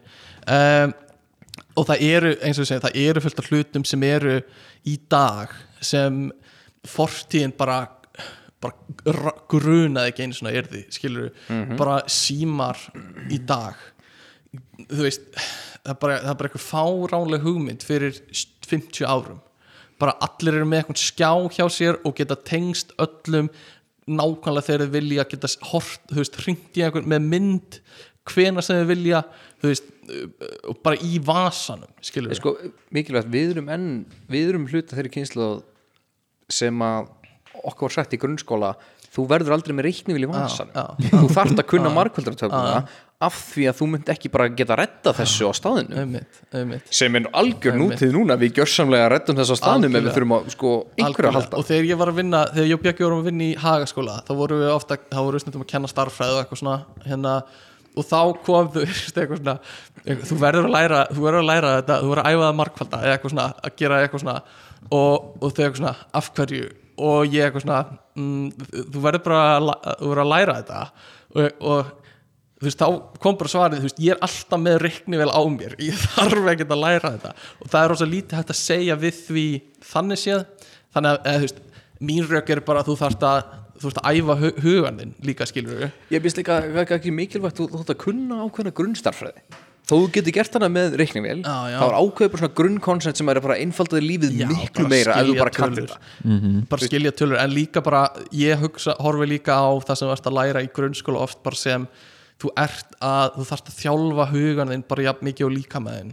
Og þetta er partur af því bara að þú ert að reyna á hausiðinn líka, bara þannig að hann fá æfingu. Það er ekki, þú veist, annars annars, já, annars get, þú veist, kanntu ekki að díla við bara ákveðin vandamál sem Já, já, geta já. komið. En þú veist, handdeiling Mm. Það er til dæmis eitthvað koncept sem við mögulega þurfum ekki lengur að, að díla við, þú veist, að, að gera hérna gamla ekki, vinkilinn ekki nema bara að fá tilfinninguna sko. Já, já, já, þú veist, um að gera að kenna grunnkonceptið en, en þú veist, það að, að vera með þetta, þú veist, að, að kunna deila þryggjastæða tölum í þryggjastæða tölur já. og nota, þú veist, hérna, gamla vinkilinn og, og hérna, tölur yfir strikið og, og fá út einhver brota brot og, og eitthvað gengur í eitthvað annað. Kannski Já, ekki. Nei, en það er samt hjálpa þér að fatta út á hvað gengur deilin hvað er ég að raunin að gera þegar ég er að deila? Ég er alveg samlaði Þetta er smá, minnum mig á þú veist, ég mann þegar við vorum í tíundabæk við tókum hann að framhaldsskóla manstu, starfæðina manstu þegar við vorum í tíundabæk ég var eins og tíundabæk, varst þú í tíundabæk? ég var í tíundabæk með þér, ég man ekkert Ok. eftir því. Ok, varst þú í flugferði í starfæði í tíundabæk? ó nei, ok, ég var fyrir ennsku baby. Geggja til að mikið flugferðar elitan hérna. Allavega, ég og Stefán við vorum í glæsilegt, við vorum í flugferðinni. Ég ætla, ég ætla að kúpla mig út. Varst þú í flugferð Thomas? Þú getur ekki tjáð þig um þetta lengur. Ég ætla bara að segja ok, þetta er ég líka svo myndi þetta ekki aftalegt þannig nafn en sorry, þetta kerfi í skólinum okkar var sko, var sko hægferð, miðferð, hraðferð og flugferð. Hægferð og flugferð eru bara roasting concept. Hver vill vera í hægferð? Hver vill vera náungin sem bara já, inna, ég er hægur en þú veist, á, Hvað er líka penni þessu non-PC nafni? Já, þú ert í hægferð þú ert fucking tregur þú ert heimsk ferð, þú ert venjuleg ferð. En þú veist samt, þú veist, ef maður pælir í því ok, þú, þetta eru úlingar og þeir, þú veist, þeir átta sig alveg á stöðinni sjálfur Já, er þetta eitthvað betra heldur en já, ég er í gula hópnum eða ég er í rauða mér, hópnum mér finnst það betra af því að nafnið er ekki dæmat ok, ok. Ég, Þó ég svo að, að systemið sé nákvæmlega sama Mér finnst konceptið að, að, að þú veist að þau ykkur spyr hvar þú ert í einhverju fæi að þú segir bara ég er í hægferð Já. það er bara, þú er Já, já, er það sko. og öfugt líka, þú segir þetta í flugferð Já, já. að þú ert bara að fljúa hraðar og harra en hinnir sem er að gera náðilega sama. Það er ríkalegt koncept lítasystemið er betra. En þetta hendaði mér mjög vel að vera í svona flokkaskipti sko. Já, Mjög gott. Mjög frábært system, sko. frábært system. Að því fólk bara þarf að læra sínu hrað. Já, já, algjörlega. Nöfn, nöfn, nöfnin megi að vera meira pjessi það er einu ég byður Þetta er smá svona eins og, sorry Björki, þú fara að komast að Þú fara að komast að, ég ætla bara Þetta er smá svona samt eins og uh, að færa einhvernir yfir í bókstafi ég, ég skil, þú veist, það á að vera eitthvað svona það er eitthvað svona léttar að sjá það eða þú veist, það er svona þægilega fyrir einstaklingin að fá einhvernir í stað Já, já, ég skil bókst, hvað- já. ég, ég er ekki saman eða þú veist, mér finnst það smá aðstæðanlegt af því þetta endur speglar, alltaf tölur skilur er það samt ennþá þannig Ég ég, man það var þannig fyrst að þú veist, þá var bara eitthvað einhvern Já. sem var 7,5 henni er bara breytt í einhverju bókstaf. Ok, ef það er búið að breyta í eitthvað síðan þá þá gæti þetta verið Já, sniðugt. ég held að sé, já, það sé mikið búið að yfirfara yfir á stafi bara til að vera ekki, þú veist, að þú sér með 79 og hann sér með 81 að þú sér bara því sér báðu bara með B. Ok, en bókstafakerfið eina sem ég hef að setja út af það er það að F er alltaf fallengun. Já, þannig að þá ertu bara með fail. Það er bara F stendur fyrir það og mér finnst það, ég held samt að íslenska kerfinu nær þetta bara D. Já. Ok, það er fínt. Af því ég veit alltaf, í í þessum hefðbundu ennsku kerfum það sem þetta var byrjað á, það var F alltaf bara stóð fyrir fail, af því þú ert bara fallin en þeir tók líka út E skilur, það Bara bara E A, B, C, til. D og svo F eða þú veist, já, já, já. það, það var ekkert Já, E já, það er, já, að, já veist, sem emphasize eiginlega pointið að Já, þú sé já. skít fokki fallin, sko. þú veist ekki með E, þú ert með F. Algjörlega. þú bara drullar upp á bak. En sorry Björki, hvað varst að fara að segja? Já, það sem ég ætlaði að segja. Uh, Í flugferðinni þá vorum við hann að læra þú veist, um uh, einhver hotnaföll og eitthvað bla bla bla og, og logra og eitthvað stöf Já, en það var aldrei útskýrt af hverju eða, hvernig þetta virkaði. Þetta var bara svona, þú veist, svona reiknar við þetta. En svo fattar maður að maður farið í MR og fekk útskýring á því af hverju þetta var svona eins og það var já. sem að maður fattaði hvað þetta snýrst um Já. skilur, í staðan fyrir að bara horfa á tölur og stimpla inn í já, veist, ég hefði alveg geta veist, farið inn í framtíðina með þá vitnesku að ég gæti stimplað inn í mm Mhm. reiknivél, þú veist ark kós af 38 og fatta þá hvað þessi já, já, einmitt, stærði löng en, þú veist, algjörlega en maður fær svona bara svona insýn og. Algjörlega. dýpri skilning sko. algjörlega uh, svo er sko, ef við færum okkur aðeins frá því uh, og yfir í þú veist eins og uh, læknavísindin ég er mjög spenntur fyrir alls konar svona svona nemum sem hérna og það er verið að tala um svona nanotech verði mögulega einhver framtíðin þannig að þú veist, þú ert með bara flögur í blóðrásinniðinu sem taka mælingar og greina bara allt í líkamanleginum uh, og uh, að þú þarfst að gera einhverja aðgerðir eða þú þarfst að losa einhverja stíplur í einhverjum æðum eða eitthvað þá er það allt gegn, gegnum einhverjum svona nanotækni sem gerir þetta fyrir þig bara inni og þú þarft ekki eins svona að skera upp basically. Uh, veist, ég er spenntu fyrir þessu en á saman tíma er þetta alveg smá svona sci-fi uh, horror getur verið það sko. Svona of mikil tækni. Uh, þetta er líka veist, það eru svona fólk sem er alltaf með snjallúru sín og taka allar mælingar sem þeir geta eitthvað svona að fylgjast með heilsunum sinni að einhverju leiti finnst mér að geta orðið svona obsession. Algjörlega. Það sem þú ert of mikið að pæli og einhverjum tímpundi þarftu bara að segja bara að komi gott. Uh, og hérna það gæti ítt undir ákveðu svona hypokondria svona uh, hræðsla við að verða veikur og sjúkdóma. Já, já. ég mitt fekk talandi snjallúr, fekk snjallúr í jólugjöf já, og þú veist það mælir eitthvað svona svepp já, eitthvað bla bla bla. Uh, það mælir veist hversu lengi þú sefur Já. hversu lengi þú ert í djúpsvefn og remsvefni og léttsvefni og hversu mikið þú vakir. Og svo gefur það þér eitthvað svona sleep score. Mhm. og þú veist ég man fyrstu vikuna mér fannst þetta rosalega áhugavert eitthvað svona, þú veist, hvernig er úrið að meta svefnin minn. Og svo fær maður þetta sleep score. Og, og svo fær maður eitthvað upplýsingar svona, já meðaltalið fyrir þinn aldur er á milli 60 og 70 Mhm. Og svo fær maður sleep score bara eitthvað 54 og maður bara fuck. Ég verða að fucking ná þessu. Og svo er maður bara hverjum degi bara fuck ég er ekki að ég þarf að ná við fucking ég þarf að ná 70 já. þú ferði í svona einhver svona einmitt. mindset. Og hérna, en svo að þú veist eftir viku og þá þú hætti ég en að fylgjast með, þessu. Uh, en ég, já, þannig að þetta væri jákvæmt að neikvægt að vera með, þú veist, að þú getur tekið allar mælingarna þinnar að bara, þú veist, þannig sé bara með einhverju nanaflögum í blóðinu þínu uh, þú veist, það er líka það er verið að tala um að þú getur verið með einhverju svona skimanir bara heima hjá þér, bara í speglinu þínu með eitthvað, þú veist, að speilin getur gert einhverja greiningar á þú veist, einhverjum fæðingablettum sem eru konum með skrýtna lögun eða eitthvað. Þú veist, alls konar svona sem þú getur fara að greina þá bara heima hjá þér sem gæti verið mjög jákvægt og þú veist uh, kannski ertu með hérna, eru ákveðna læknastofur sem getur bara farið inn farið í greiningu og bara séð allt sem er að þér. Þú veist, gæti verið mjög jákvægt uh, gæti líka ítt undir ójöfnuð ef að sumir hafa aðgang að þessu og aðrir ekki. Uh, gæti verið eitthvað svoleiðis. Um, en svo ég líka svolítið spenntu fyrir sko líkams var það kannski spurning eins og til að spegla að hafa þá aðgengilega?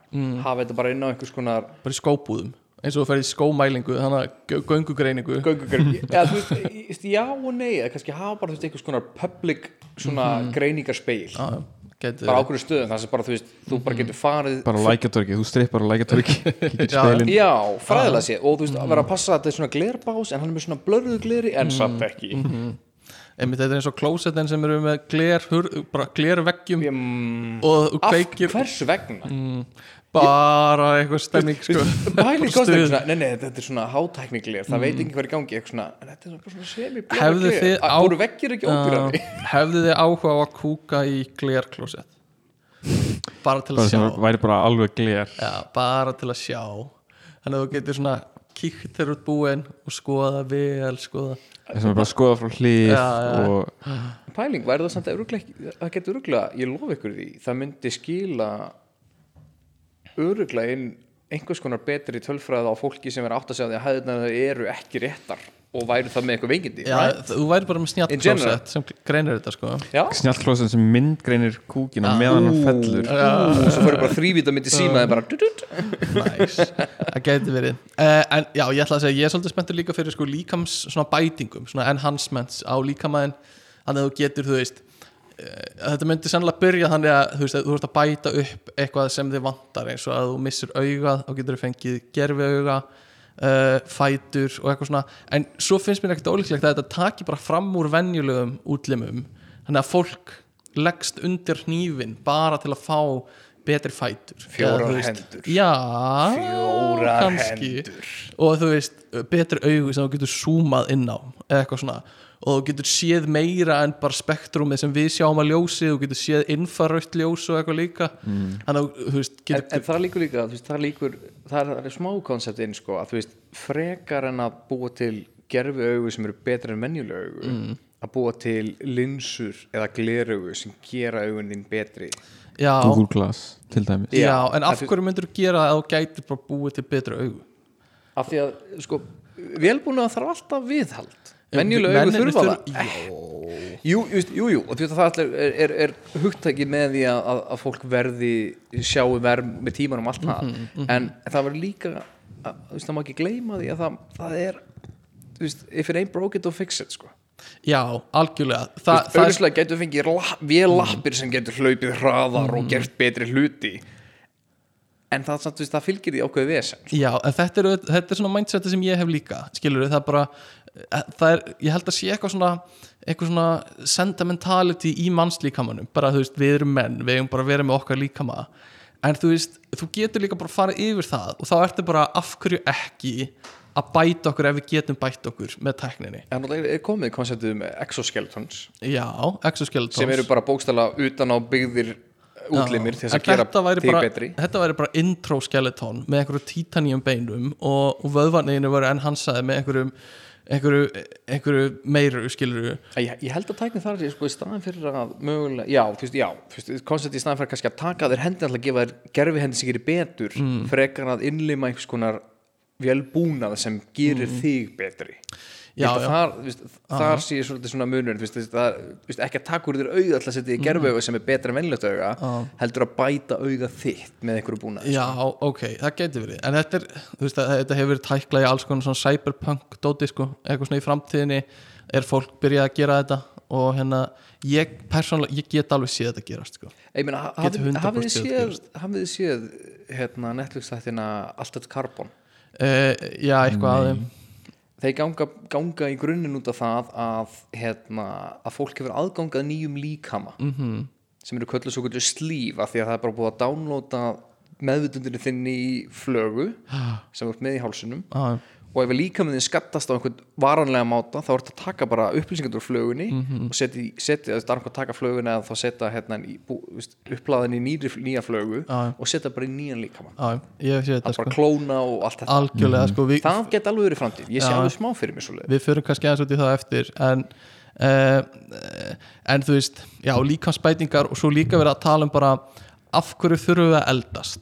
Er einhvern tímur í framtíðinni það sem við getum bara komið í veg fyrir það og það er alveg einhverjum sem halda því fram að verði bara til einhvern tímann uh, bara lif við öldrun og mögulega geti þú veist uh, geti snúið henni við uh, og hérna ég held að, að megin gallin í öllu því koncepti er að öldrun er í grunninn oxun það er að segja okay. súrefnið hefur áhrif á það sem þú ert að gera líka meðin er að gera í grunninn Ok. og það sem við þurfum til þess að lifa er súrefni mm. þannig að á meðan við getum ekki stemt það að andruflóttið okkar er fullt af súrefni sem við þurfum mm. þá munið það alltaf hafa áhrif á líkamann okkar Ok, ég hérna hef ekki uh, heyrt um þessa oxunarpælingu áður en áhugavert uh, Já, ok, ég veit ekki alveg hvað ég á að segja það gæti verið uh, en þú veist, það er bara margt sem hefur áhrif á, á hvernig við öldrumst sko. og uh, það, veist, fólk veist, það eru alls konar til núna í dag bara eitthvað svona hormónameðfyrir sem getur farið í og þetta ávist að hægja öldrun og eitthvað svona ég held að við séum ekki komin á okkur alveg strax en En það er verið að tala um það að, að mögulega verði einhvern tíma til lifið öldrun sko. Já, þessi, sko, ég held að þessi, sko, grunninn vandamál alltaf er, er sko, þessi alltaf oxun á sérstaklega við um, um ytra byrði líkamanns mm. Uh, frumudauði mm. er og, náttúrulega það sem er, veist, ef, við gætum einhvern veginn komið vekk fyrir hann þá myndi líkamann okkar fungera Já, já, tiltölulega vel. Og, En- og en, þú veist, af hverju þarf þetta að gerast? Er, veist, er líka hug, svona, svona spurningin sem er bak við þetta. Af hverju þarf líkamann að hrörna? Veist, og kannski þróunalega séð er það bara til þess að við fjölgum okkur og fáum alltaf fjölbreyttari útgáfur af næstu kynnslóð, en erum ekki alltaf föst með sömu kynnslóðina uh, sem meikar sens en getum við einhvern veginn komist fram hjá þessari þróun með einhverjum livjum eða með einhverju, einhverju meðferð? Sko, Gæti ég, verið. ég get það bara svona útópian dæmið væri að við gætum einhvern veginn hérna, innlimað grænukorn í okkar húð. Já, já, og ljóst til lífið það einmitt við erum, við erum græn. Græn en, framtíð. Já, Græn en framtíð. ég held þú veist, ég meina, þú veist, það myndi skera út sko svo mikið vandamál í heiminum. Það sem þú gæti líka gert væri að þú veist taka bara part á líkamanneginum og, og láta græni korn eins og bara vinstri helmingin skilur, þá það væri bara allir vinstri grænir skilur og það væri bara mjög jákvætt. Uh, eða Kata já, Jak stil þessa hugmynd. En uh, sko svo eru þú veist Já, svo ef við förum út í veist, heilan og heila starfsemina með bættum heila og hérna eins og bara Elon Musk er að gera með Neuralink og eitthvað svona að þú getur, getur hjálpað svona starfsemin í heilaneginum.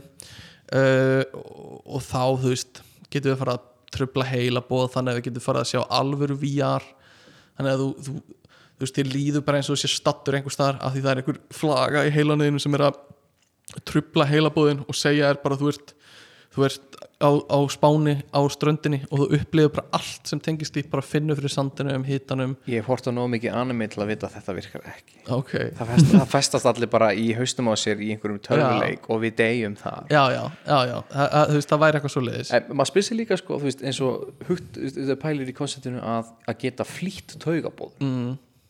taugabóðin taugabóðin eru með ákveðin hraða en ímyndar að geta einhvern, einhverjum máta einhverjum líffræðilega máta aukið hraða taugabóða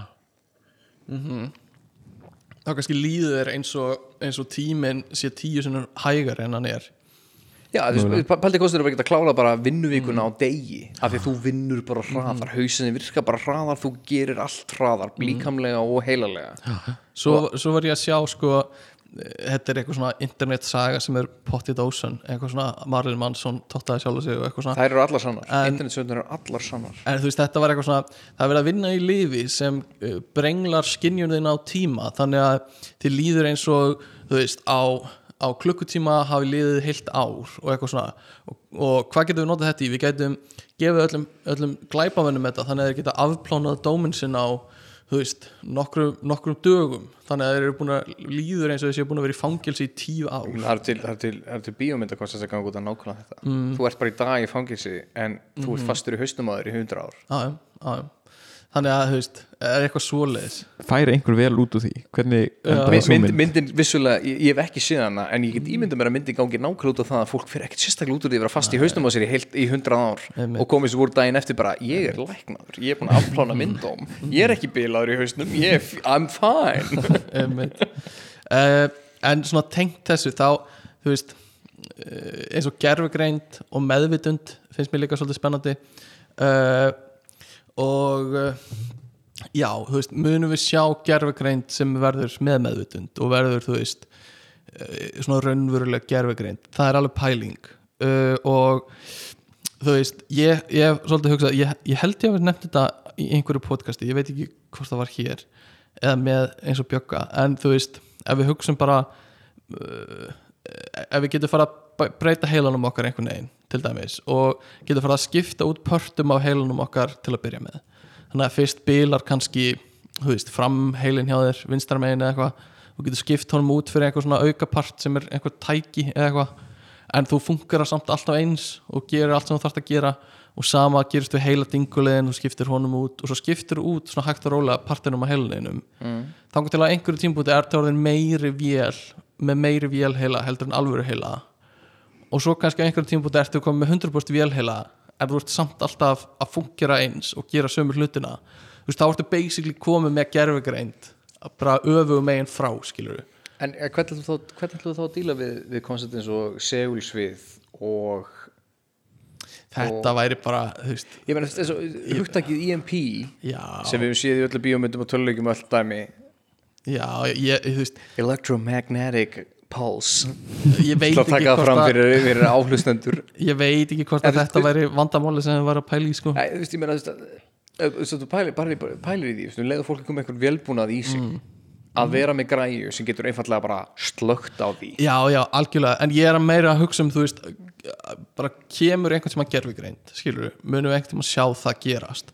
Og uh, ég geti séð það sérstaklega fyrir mér í einhverju hugtaki eins og tungumál ég myndir að fá bara einhverja græju hausina þér sem mm. geti klift að tala öll tungumál Já, já. þannig að allir í heiminum geti bara talað saman á einmitt. sama tungumáli já, já, það, það er spurning sko uh, það myndi einfalda allt saman já. Google var eitthvað að reyna þetta með heyrnumtólunum sínum þá getur verið bara með heyrntólin í eiranu og þau Mhm. það er pikka ekkert- það er upp ekkert hljóð loðalegt Ha? þú er bara með Airpods í eyrunum alltaf Já, eða þú ert að tala við einhvern. Á, sem talar annað tungumál, þá getur þú tala bara þínu tungumáli, Airpods eða þú veist, heyrnartóla þeirra pikkaðu upp translata og geta jafnvel gert það sko með þinni eigin röddu, þannig að þú veist við erum búin að búa til þannig að allir eru með sin eigin, þú veist, rödd sem einhver talgerfil, skilur þannig að þið geta látið en þá aftur hendi ég fram nákvæmlega saman konstingur að segja. Þú veist, það kannski er einhver stofnun skiptir miklu máli fyrir heiminn, Mm. það sem að fólk er frá mismöndu löndum og treystir á þessa græðu að tala sama tungumál. Mm.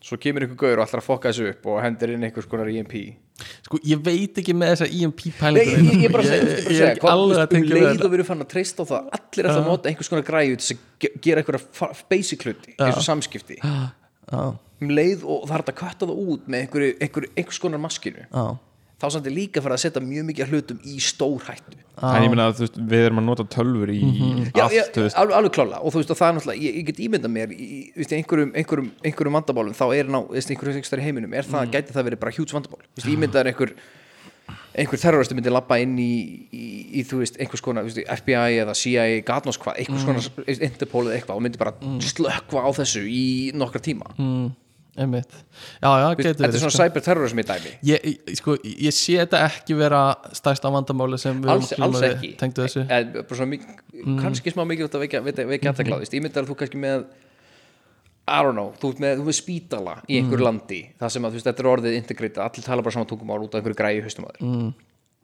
svo kemur einhver gaur ákveð bara, heyrðu, við ætlum bara að, að slökka þessu spítala þegar ég mér langar að fólk degi já, þá allt í nú bara tala fólk í lengur saman tungumál getur ekki gert nákvæmlega það sem á að gera til þess að bjarga fólki Mm. eða eitthvað. Ég meina, þú, ef þú gætir gert nákvæmlega sama skaða hvort sem að þú ert með þess að tungumála græði eða ekki. Já, eða þú veist, þú getur gert það bara með því þú að slökka á vélunum. Já, Já. já, já, já, já, það, faktist það er eiginlega verra vandamál heldur en eitthvað svona þú einmitt. Það er upplýsingar sem skipta svo miklu máli sko. mm. en allavega uh, skamta tölvur er líka möguleg í framtíðinni. Uh, ég sé ekki endala fram á að við verðum eitthvað skamta síma eða eitthvað svona í vasanum. Þetta er meira eitthvað svona sem við getum notað í þú veist, einhverjum almennilegum útreikningum með eitthvað, þú veist, mótela veður loftslag, hjálpar í livjaþróun próteinmódelingu og einhverju eðlisfræði módelum. Þú veist, að þetta geti hjálpað okkur að búa til og skilja heiminn miklu betur. En væri það ekki frek eða, þannig kannski að síminn gæti kallað upplýsingar úr einhverju þú Jú, veist mögulega, ég, jú, jú, þannig séð uh, þú veist, en ég sé bara ekki alveg uh, jú, jú. A, ég sé ekki núna hvaða gagn við hefðum fyrir það en það gæti alveg verið 100% eitthvað gagn sem við hefðum fyrir það. Verðt að henda því einn sem er lífafræði nemi það er mitt að þú varst að tala um hérna í lífa þróun. Mm. hérna, skamtölfur í lífa þróun væru magnað koncept af því að ég man ekki hvað aðferðin heitir, hún er með ákveðin nafn en það eru mörg stærstu lífafræðitækin eru bara með ákveðið koncept sem bara rönna, tölfur rönna hérna lifja samsetningar og ímislegt fleira í gegn til að reyna að hittina eitthvað lif sem gæti læknað eitthvað ákveðið Mhm. og þau eru bara, þú veist, þau eru bara með hérna, heilu sko förmin af vélum Mhm. sem er að keiri gegn bara sko svo mikið upplýsingum til að reyna að ná þessu bara við fundum bara lækningu fyrir einhver x mm. Þetta hefur verið að gera þetta mjög mikið núna og stærstu fyrirtækin geta þetta því þau eiga peningin í það. En þetta er rándýrt ferli. Mm. og það er bara verið að, að eins og segi, keiri gegn svo mikið að kóðum saman og, og fyrst bara ákveðnir samsningu að livjum við ákveða sjúkdóma og hitta þetta Já. til að hitta eitthvað eitt. Já, en, en ástæðan fyrir að þetta er ekki bara gert almennt er kostnaður við að rönna þetta Já, er svo mikill. Já, ef, ef peningur væri lagður í þetta þá gætu tölfur mögulega rettað svo mikið af vandamálum heiminum með því bara að keira bara eiga veist, fjármagnið í að keira bara tölfur til þess að finna Já. lausnir við, við livjum sko. einmitt og þú veist, það er að tala um að skamtatölfur eh, geta leist ákveðin vandamál þú veist, á kannski 200 sekundum sem hefði tekið 10.000 ár fyrir venjulega tölfur en þú veist, þetta er ekki að fara að hjálpa okkur í þú veist, að brása internetið eða þú veist, þú að hringja gæti alveg símtöl eða eitthvað. spilað Candy Crush hraðar. Já Já, já það tæki nefnilega Já, það gæti verið. Það tæki, grafíkin væri aðeins betri með skamtatölu grafík. Uh, og svo er eh, frækt lögmál í, eða svona lögmál, þetta er svona ákveðin kenningi í tölunafræðin sem heitir Law sem fjallar um þú veist uh, að fjöldi transistora semast, í rauninni bara reikni geta tölva er að tvöfaldast á þú veist, tveggjára fresti eða eitthvað svo leiðis og þetta hefur verið í gangi í einhverja áratugi og bara haldið svona frekar stöðugt. Og það er spurning hversu lengi þetta á eftir að haldast uh, í viðbót, skilur Er þetta ennþá í gangi? þetta, þetta er cirka ennþá í gangi sko. mjög, Svona hingað- mjög gott input til. sem ég, ég pekka, lærði hérna einum með kennar í HR mm, það sem við erum að fara að lenda mögulega á smá standstill í tæknithróun er það að minni mm, er að verða búið. Mm, að því minni, minnistækni gengur út af það að við erum að geima gögn á ákveðnu lillsvæði mm, og það er byrjað að, vinna með það að, að, að minka gögn þau geta. Mm, og það er byrjað að þróa sérst bæjó hérna, líffræðilegar tölfur til þess að geima gögn á minni einingum. Það er bara frumulegar séð það er bara mjög sniðut eins og. DNA-ð okkar inni heldur bara einhver terabæti eitthvað já, já. og veist, en, en vandamálum við þetta, þetta koncept sem er náttúrulega sko, briljant að vera að byrja að búa til líftækni sem getur mm gengt gögn bara á frumu stærðum. Já. og svo eftir enda þetta kvark, kvarka stærðum. Mögulega. Að við erum með kapp. Mm, að því að líffræðilegar eindir geta bara verið eins litlar og það geta verið. Það er Mhm. mingi ekkert endalust mm, að það er ákveðið limit. Þannig að einhverju tímumúti í framtíðinu þá munum við ná einhverju limiti á hvað gögn geta verið gemd og smárri stærð. Mhm. og það er, er svona ákveðið það er verið að láta reyna mjög mikið vísla með núna í framtíðinu Mhm. að finna lausna þessu. Að því að einhverju tímumúti við erum alltaf að stækka bætin okkar. Við erum farið hvað, senabæt, zetabæt gátnás hvað það er komið núna sko. Biden okkar, Biden minn Joe Biden. Besti Joe. Biden minn. Að, hérna, að þú veist, að einhver tímpúti munum við lenda standstil vegg. Eins, og, eins, og, eins, og, eins og nútíðin er. Að við vitum að það kemur eitthvað kapp bara á, á smáar eindir. Og, og Algjörlega. það það hérna verður spennand að sjá hvort að vísindamenn geta rey- leyst úr þessu vandamáli. Já, og svo líka bara getum við lesið þessi gögn jafn hratt og við viljum. Þú veist, ef við erum með þetta forröndað einhverju DNA-eindum mm. getum við hort á YouTube myndbandið okkar pæli að einhverjum leia, pæli að leia út DNA í eitthvað líkama. Til að geima gögn fyrir einhvers konar stopnun eða ríki. Það er framtíð sko. nei, nei, nei, vinstri hendi mín er bara þetta er bara, þetta er bara landsvirkjun.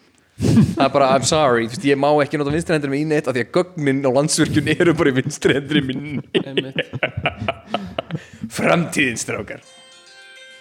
Ú, heyrðu, býtu Býtu, býtu, er, er, er, er er símgestur? Allan að sími minn er að ringja Mm. uh, Halló Halló Halló, en, halló, er, er, er, er Tómas þarna? Tómas er hér, já Ég er hér, já, góða kvöldið Hver er þetta? Hérna, ég er, ég er sonur hans. Ég er að syngja, ég heiti, Tómas, Hjalti Tómasson. Ég er að syngja úr framtíðinni. Ok Er, uh, er pappið hana?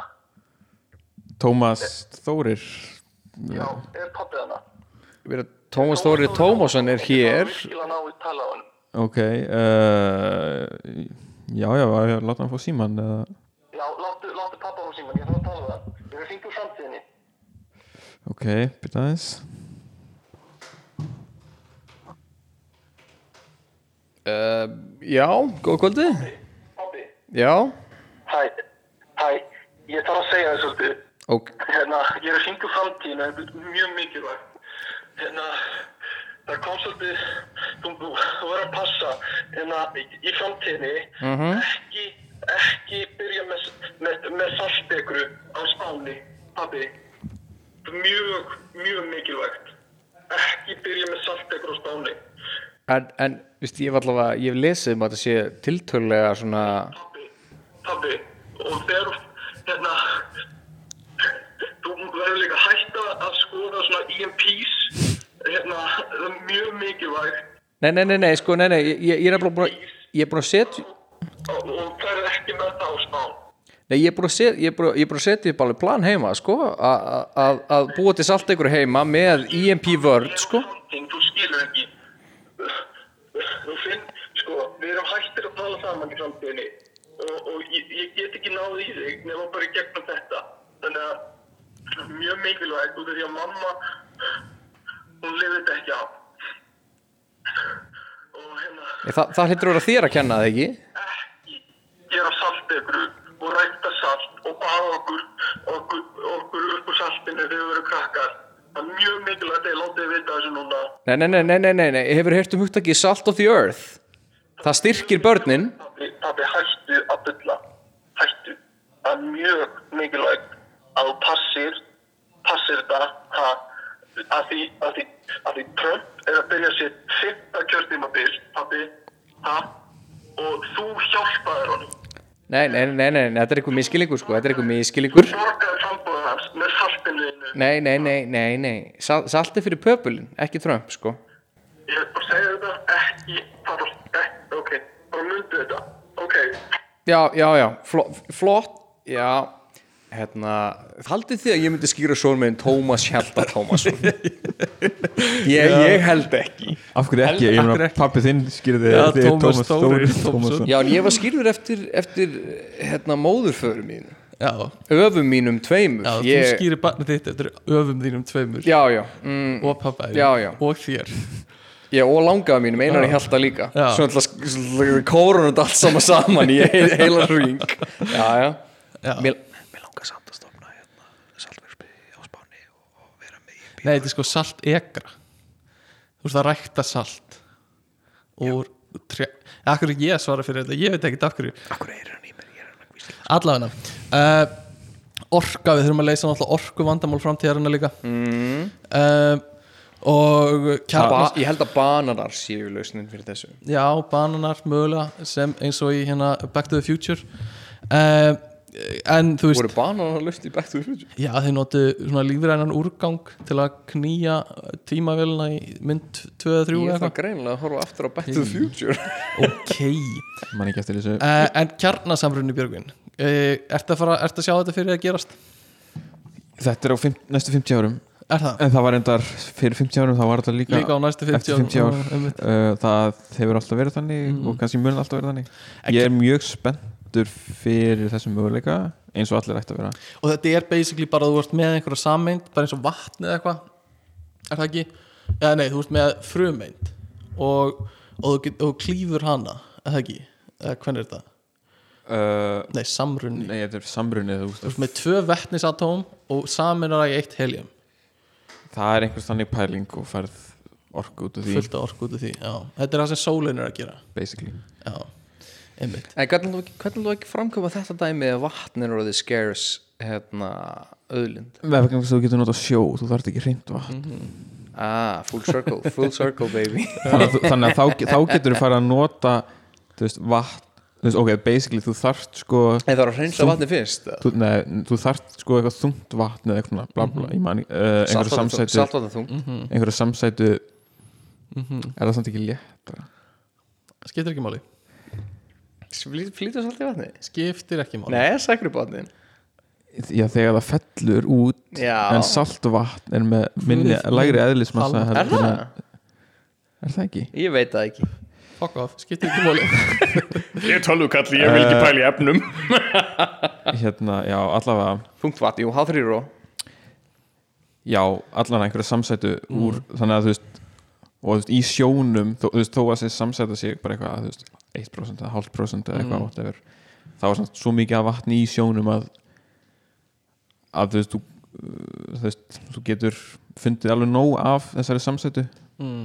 og í rauninni það Í er sjón? það, já, vegna þess að þú veist bara af vatni þú veist, Já, er já, já, já. náttúrulega þú veist, eitthvað hlutvall af öllu vatni er þessi samsæta Það er rétt, það er rétt, já, já, já.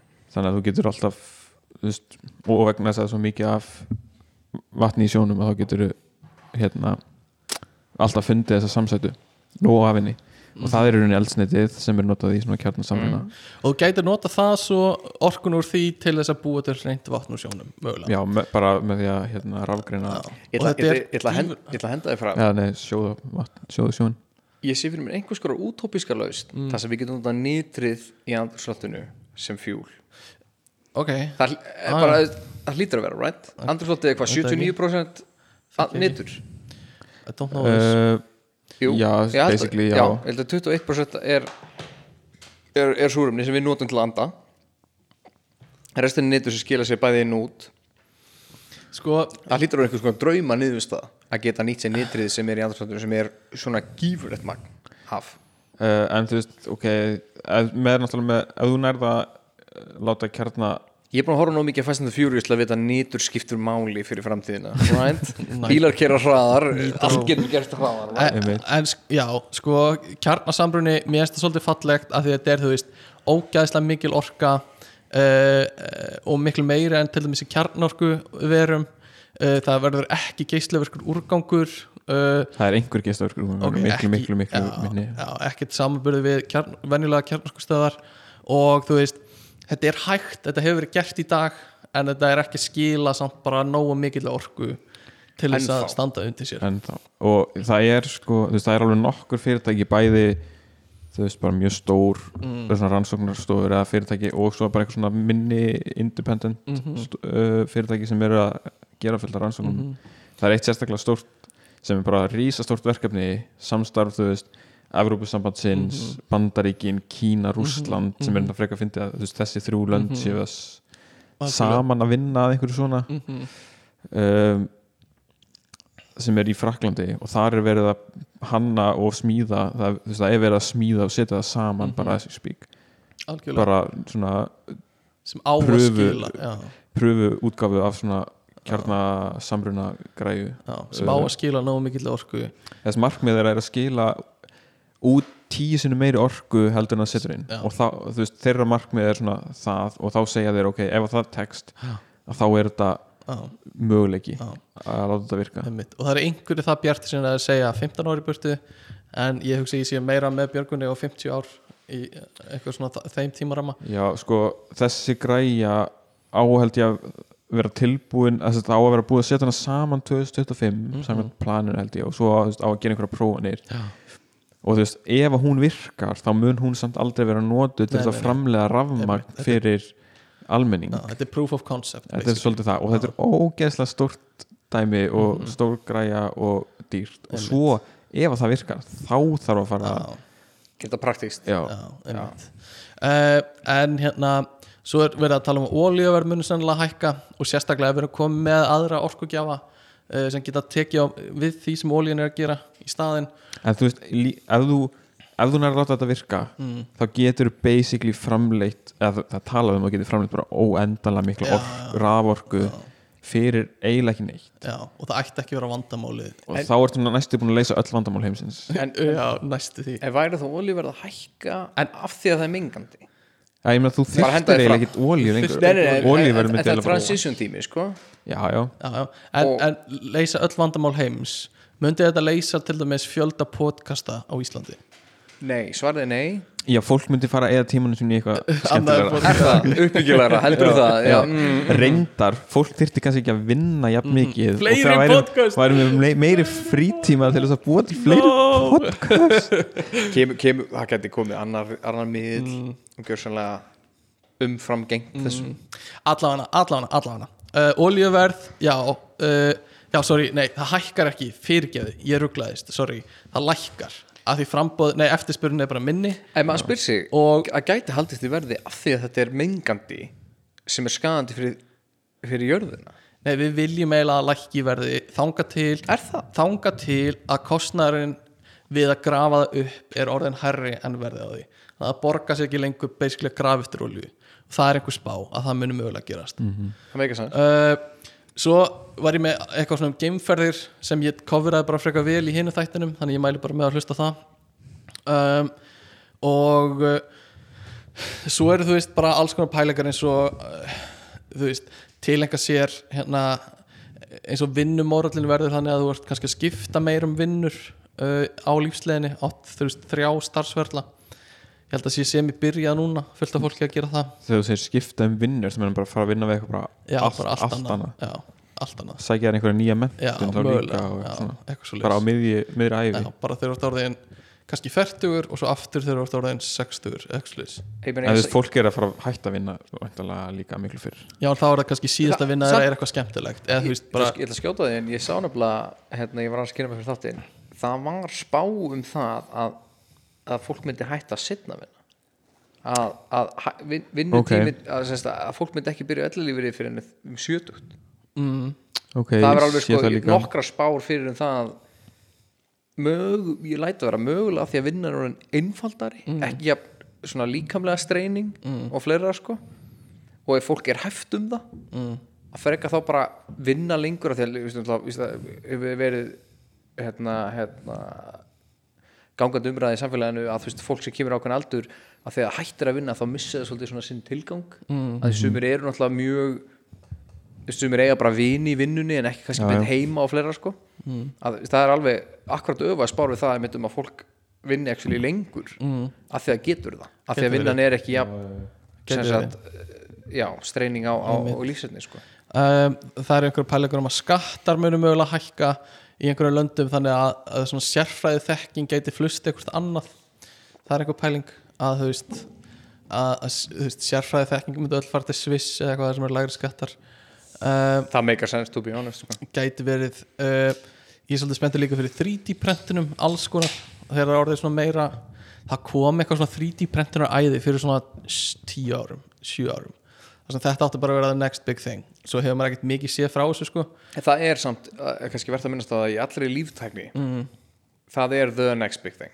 Á, það er bara, þú veist, ef þið vantar hjarta í staðan fyrir að þú fáir líkamlegt hjarta það er framtíðin að þú fáir vélhjarta Já. það sé 3D prentað út frá öllu dótinu sko. já ég er svolítið spenntur fyrir svona líka það er líka bara að passa best, þú veist, þú pælir því, þú veist, þú með hjarta það þarf að skipta því út, þeir bara skanna það inn í, í bara, þú veist, öllu formum og allt þetta og geta búið til bara fullkomlega 3D módel sem gerir nákvæmlega þess að þú vilt að það já þá þarf líka að prenta það í sko úr líffræðilegu efni sko og Já, hérna og það, það er framtíð, það, það er að byrja á því það er byrjað að 3D prenta eh, eh, líffæri það er að segja, þú veist, það er, það er að byrja að prenta líffæri úr efnum sem að líka minn hafnar ekki. Já, og, og hérna ég er bara svolítið spenntið fyrir alls konar svona svona, uh, svona tilraunastofu búnu uh, líf, lífdóti einhverju, þú veist eins og við höfum talað um áður kjöt.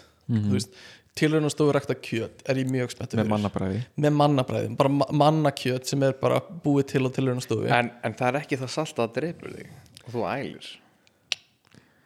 Uh, það er megin ástæðan fyrir að manna át virkar ekki að því að við ælum kjötin mannakjötið að því það er of salt ég What? hef ekki heyrt hef ekki heyrt þessa kynningu. Þetta er koncept sko, það er bara ástæðan fyrir að fólk getur ekki bóla mannakjöt er að því að það er, fólk borðað mannakjöt það getur ekki lifað á því. Ok, af því að það er líka minn hafnar mannakjöti sem mat af því að það er ofheldi, er mikið natrium í því og líka minn bara ok, en kannski svona sundagssteik eða eitthvað og smá trít smá trýtt og svona þú veist eins og bara þú veist reykt kjöt. Það er alltaf salt ég er sko, segja, já, þú getur ekki lifað á því en sm- mannakjöt þú veist, á jólunum smá, humano prosciutto sko, bara svo til hliðar. Afi kannski dó fyrir mörgum árum en alltaf á jólunum þá fjölskyldan með afalæri skilur sem er í matinn Stefán Gunnur Jónsson. Alveg eins og af, búið til úr DNA hans afa. Er vel mjög spenntur, hangin og reyktur afi. Ég er mjög well spenntur hung Æ, ég er að stoppa þetta. Stoppa þetta. Hérna, ég meina það er til hrútspungar uh, allavega. Uh, en, en alls konar svona líftækni tilhörnastof Tommi er að deyja. Ég er að hemja. Allavega. Uh, þannig að ég er mjög spenntið fyrir alls konar svona hérna, líftækni sem bæði hjálpar okkur í læknisfræðilega tilgangi. Uh, og líka bara svona skemmtanalega tilgangi. Mm. eins og þetta. Og Tommy, þú varst með eitthvað sem ég baði um að taka saman Já, ég, ég tók, tók actually saman svona tiltölulega skemmtilegar hérna uh, framtíðarspár í fortíðinni skulum við kalla þetta. Þannig að kannski eitthvað árið 1900 var fólk að spá hvernig árið 2000 var Já, það, ég, ég tók ímislega punta saman og, og það er verðt að taka fram að hérna, flestar af þessum manneskjum eru flokkaði sem svo kallega framtíðarfræðingar eða futurists. Já. það eru manneskja sem að vísandarlega pæli hvernig framtíðin verður á, ákveðin langt fram í tíman og hérna til dæmis fyrsti punktu framtíðarfræðingurinn Ray Kurzweil mm. held í fram árið 1999 árið 2019, það er að segja 20 ára setna Já. Þá væri meðal lífslíku manna komnar yfir 100 ára ok, aðeins off þannig að klálega off, það gekk ekki alveg eftir. Og þetta, en, þetta var um aldamótin. Þetta er um aldamótin, þá þið fram bara að veist við værum komin bara að, sko, í- sem er pínu bjart sínt at the time, bara 10-15 ár lengra en við vorum at the time. Við erum alveg búin að, það eru búin að aukast. Já. og alveg um nokkur ár en ekki 20 ár eins og þetta var eða 30 ára hvað það er sko. Mér finnst skemmtilega punktur uh, Tölvur eru þú gjörsamlega ósynlegt koncept. Ok, Það er að segja að þú veist það væru bara opnar inn í alla hluti. Ok, ok. Veski, borð, stóla, whatever. Það, bara, það væru tölvur í öllu. Og það myndi bara gera það sem það er ætti að gera eftir time og þetta ætti að vera í gangi núna eða hvað, Já, já, já, bara þú veist bara, þú veist, sko, hann sá fyrir sér sko glerugu, linsur, bara allt væri sko þráðlaust, likla bara laust, allt saman. Það bara tölvu væri bara í veggjónum hverju sem er sko. ég get alveg séð þetta og þetta væri alveg hægt ef að viljin væri fyrir hendi hugsa ég í dag Já, já, bara smart allt saman. þú veist, þú gætir alveg verið Smart með wall. tölvu inn í öllu veggjunum eða þú vildir það er bara, Ég, það er ekki það er kannski ekki, þú veist þörf fyrir það, eða vilji fyrir því. að mér langar að gula vegg í dag. já, ég meina það, það bara stór skjár. Þannig. Eitthvað, eitthvað, bara, það væri tölvu í veggnum, þú getur bara breytt litum á veggnum á því, ég meina það er til þetta Samsung Frame sem er svona kannski fyrsta íturinn af þessu. Já, það sem þú veist með bara mynd sem þú veist, er sjónvarp basically, eða svona, það er pælingin. Já, veggirna væri bara stærstu LCD skjáur sem mm. væri til, eða eitthvað, ég veit það ekki. smá Það er alltaf 1984 þú gætir alveg gert þetta. Gæti. en, þú veist, mynd, Þetta þetta en spurningin er kannski frekar bara myndir vilja já, þetta? myndur vilja, algjörlega sko. Og ég held ekki, eða allavega það, viljin er ekki til staðar Þú ert að, þú ert að hafa mikil, sko, mjög göfugt og mikið hatur á því að mála hluti til að vilja setja upp veggi sem eru breyta litum á þeim. bara til þess. Já, en það væri líka þú veist, það væri alltaf byrt að, hvað, væri alltaf byrta frá já, þessu já, sem já. að þú veist, er ekkit endilega það ekki sem nefnir þú þetta væri einhvers konar svona eh, eins og Gæti setja eitthvað gleri yfir það svo sem kannski já, ég er að hugsa um eitthvað svona eins og Kindle með eitthvað svona smart ink eða eitthvað Mm. þannig að það gæti verið með þannig að það væri ekki ljós frá þessu heldur það væri bara þú veist, eins og, bakgrunns einhvers konar já og bara þú veist pixlanir eru meira eins og pappír skiljum, mm. gæti verið Allavega. uh, einhver pælingar að bækur væri döðar sem er svona Ok. hægt og rólega að gerast svo sem já, ég, ég sé það kindlarnir alveg. er að Já. taka yfir og, og, og smartölur og allt það en það er ef- þegar hann segir bækur, meinar hann bækur sem þú veist, fysikal hlutur Já, já. eða sem þú veist, bara pappír held ég ok, það var en samt veist en það þú veist bók sem þú veist svona fyrirbærið þú veist Nei, nei, nei, ég bara, held, ég held bara physical copy af pappír með bleki á Já. það væri fartjörutölur sem make alveg sens mm. -hmm. uh, sjálfkærandi bílar það er frekar svona standard hugsun sem eru í gangi senstu hundra árin að bílarnir keri sér bara sjálfur já, voru þið alveg þar bara alveg, alveg það snemma þetta er allt saman fara saman já, þetta er frá samagaur 99. já, já. og við erum náttúrulega eiginlega dottin í það mögulega með Tesla sko, eða svona hug, hugmyndafræðinni. Já, já. uh, smá spooky dooky að hver einasta manneskja væri trökkuð. Já smá sem, Big Brother dæmi sko. sem hún er allavega skilningi. Sko, í, meir í sumulöndum já, sko, meir í sumum löndum af ríkistjórninni uh, meira í öðrum löndum bara af samfélagsmiðlum og tækni. Mm -hmm. við erum helvíti vel trakkaðir. Mm -hmm. ég reyni oft að, að, að sleppa öllu svona trackingdóti á öllum öppum sem ég er með ef ég get, en þú veist, ég er samt oft með Google Maps, skilur du Nei, líka, sko, mín persónlega mesta reynsla á þessu er hérna því ég var einu jólin hérna held ég fyrir einum að tveimur ára þegar ég var að vinna í, í Jack. Mm. ég, ég vinn í, í fata, fa, fatasölu vestlunni Jack Joe's. Mm. við vorum ekki með náttföt þessi jólin mm. og mjög mikið af fólki kemur inn og spyr um jólagjafir þá er náttföt alveg algengt dæmi. Fucking crazy og eh, á þeim tímapunktið þarna fyrir tveimur árin þá var Betra Bak sem selur betri, bök. betri börn selur, selur beinni og, og hreinni hryggi fyrir fólk. Selur rúmvörur og hérna, slopp og allt þetta dæmi. Að við bentum, ég, bent alltaf bara á það. Ég bara, hef, þú getur bara, bara tíu metrur lengra það er önnur búð betra bak líklegast með náttföt. Og hægt og rólega yfir jólin þá fóru allar auðlýsingar í öllum öppum frá því að vera eitthvað yfir það bara betra bak, vantar þið rúm ba, ba, ba, og ég er bara svona þetta get, veist, þetta var auðlýsleiki til sími var bara að pikka þetta upp. Ég var að segja þetta oft og sími var bara að hlusta. Einmitt, ég hef heyrst þetta mjög oft. Ég hef aldrei fengið 100% staðfestingu á þetta því var þetta var mín staðfesting sko. ég hef aldrei farið inn á betrabak.is þannig að þetta var bara eitt fullkomnasta ástand að því ég bara það sem ég hef samt oft falið með baku er að við erum á Íslandi sko, og, og það er þú veist, þau, það er aðeins erfiðar að skilja íslenskuna sko, og þú veist, greina hana rétt og eitthvað svona en ég meina mér kannski, mér finnst betra bak vera frekar standard.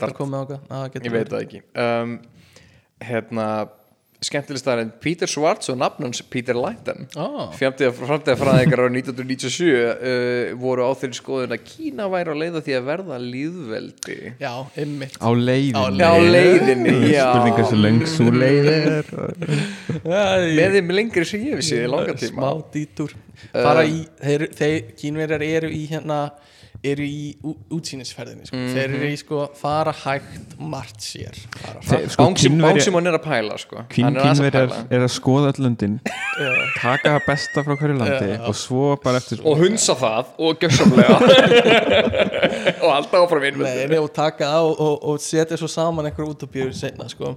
uh, og með fullt af betra bakverslunum uh, Já, Kína. Kína er eitthvað sem við eh, ættum ekki að ræðum það Nei, ég, er ég, það voru nokkri punktar á Kína. Ég ákvað að taka bara þennan að því að fannst það svona skemmtilegastur. Uh, hættur um, Eitt punktur var sem sko 2010 þá, var, þá var skoðun hérna, nokkra vísindamanna að bílar þyrftu einungis að, að hérna, anda. Já, þeir þyrftu bara að anda súrefni. Nei, að hérna, þeir þyrftu einhvern orkugjafa eins og bensín eða rafmagna hvað það er á nokkura mánuða fresti okay. það var í núna sko, Þa, það var þeirra sín tíu áru setna að við þurftum að taka bensín bara þryggja manna fresti eða að fá okkur rafmagn eða vetni eða kjartorska eða hvað það væri. Þetta er, gjörsamlega ekki staðist sko. nei, nei, nei, nei. Þetta er náttúrulega alltaf færist í ramanu líka þannig að við byrjuðum svolítið á byrjunarreit aftur og erum að vinna okkur upp. En uh, ég samt sé þetta alveg uh, ég veit ekki hvort það er mánaðafrest en ég sé það alveg gerast að við þurfum að við þurfum bara hlaðan ekkert það oft skilur við, ef við fáum 2000 km dregni á ramagsbíl það er alveg það Já, er það er samt ekkert mánuðir. Nei, ég er að segja það, það Nei, ekki, ekki mánuðir, en það er að detti mánuðir. Ég, meni, veist, ég er á, ég er að, veist, ég er persónulega keri Hyundai i10 sem er algjör lítið skítarotta með 70 hestöfl. En hann er með eitthvað 600 km tank. Ég, veist, ef ég keira hann ekki mikið þá kemst ég alveg upp með kannski þrjár og halva viku á bensinni Einmitt, en ég er ekki komin í þess að þrjá fjóra mánuði. Nei, nei, en en- er koma. en ef þú ert í þreymur og hálfur viku á 600 km tanki Já. Þá þú veist, fyrir einstakling með 2000 km dregni á ramagsbíl þá erum við að mánuður, sko. já, þá erum við að detti í nokkra mánuði sko. það var alltaf draumurinn en bílarnir verða þingri fyrir vikið um, D.G. Brennan starffræðingur á 1968 Er þetta, þetta sem er alltaf á 13. já, Eitt af þeim já.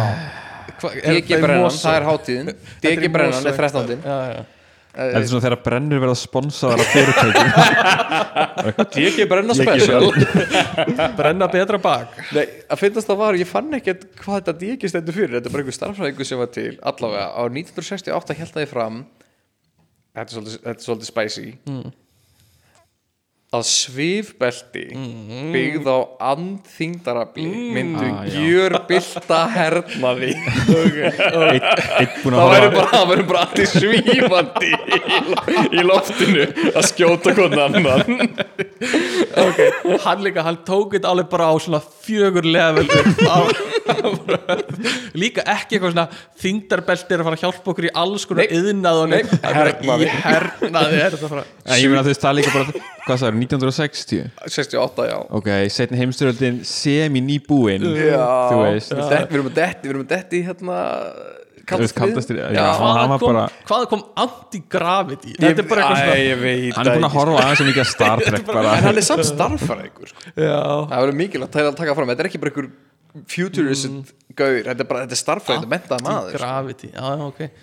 Þú veist, menn á til, ok, hvað vantar fyrir svifbelti hmm, eitthvað eins og Anti- anti-gravity Æ, ég meina, hvað, þú veist, hvað annað? Annars ertu bara ekki, komið jetpack, jetpack já. eða þú veist, það er ekkert andþingdarafl er svo langt frá því að vera jetpack. Það er allt annað koncept sko. Þú ert að fara að vinna með einhver svaka þungmál maður ætlar að fara á andþingdarafl eða hvað það já, er þú veist, er hann var að tala um eitthvað belti. Já, Þú veist, það- hann það- basically já, setur já, eitthvað já, belti sem hann setur á því og þá bara flýtur Já, já. Pældi í, er stríði, sko. allir með svona belti og þeir sem eru dauðir eru bara eitthvað svona hangandi fljótandi í loftinu. Í loftinu, bara. bara eitthvað svona, í- svona liggjandi þvert yfir belti sitt þannig að hendur og fætur eru eitthvað svona lafandi Það er ekki að fá í því ykkur byssukúlur og ert bara hangandi í loftinu og blæðandi út og bara þetta er- getur ykkur næri ykkur í mig. Hversu hátt átt að geta Hei, e- þessi grein bara ekki þetta ef ég eitthvað skýtur í beltið þetta þú bara hrapar. Já, ég meina Það er taktik, EMPs, strákar, það EMPs er bara heliumblöðrur eða eitthvað. Guðmyndu viniðin er að fljúa upp í lofti það var auglustlega menn á Mars. Það var hent alltaf fram nokkuð sinnum. 1996 var einhver svona reliable vísindamenn sem voru að pæli hvort að það myndi ekki takast núna sko. Það er mögulega ekkert langt, langt í það. Já, Elon er alltaf svo jákvæður. Hann er að pusha en kannski, við ekki, 10-15 ár? 15-20 að hann vil meina það. Ég er svona trúið því sé það með þetta líka. Mm.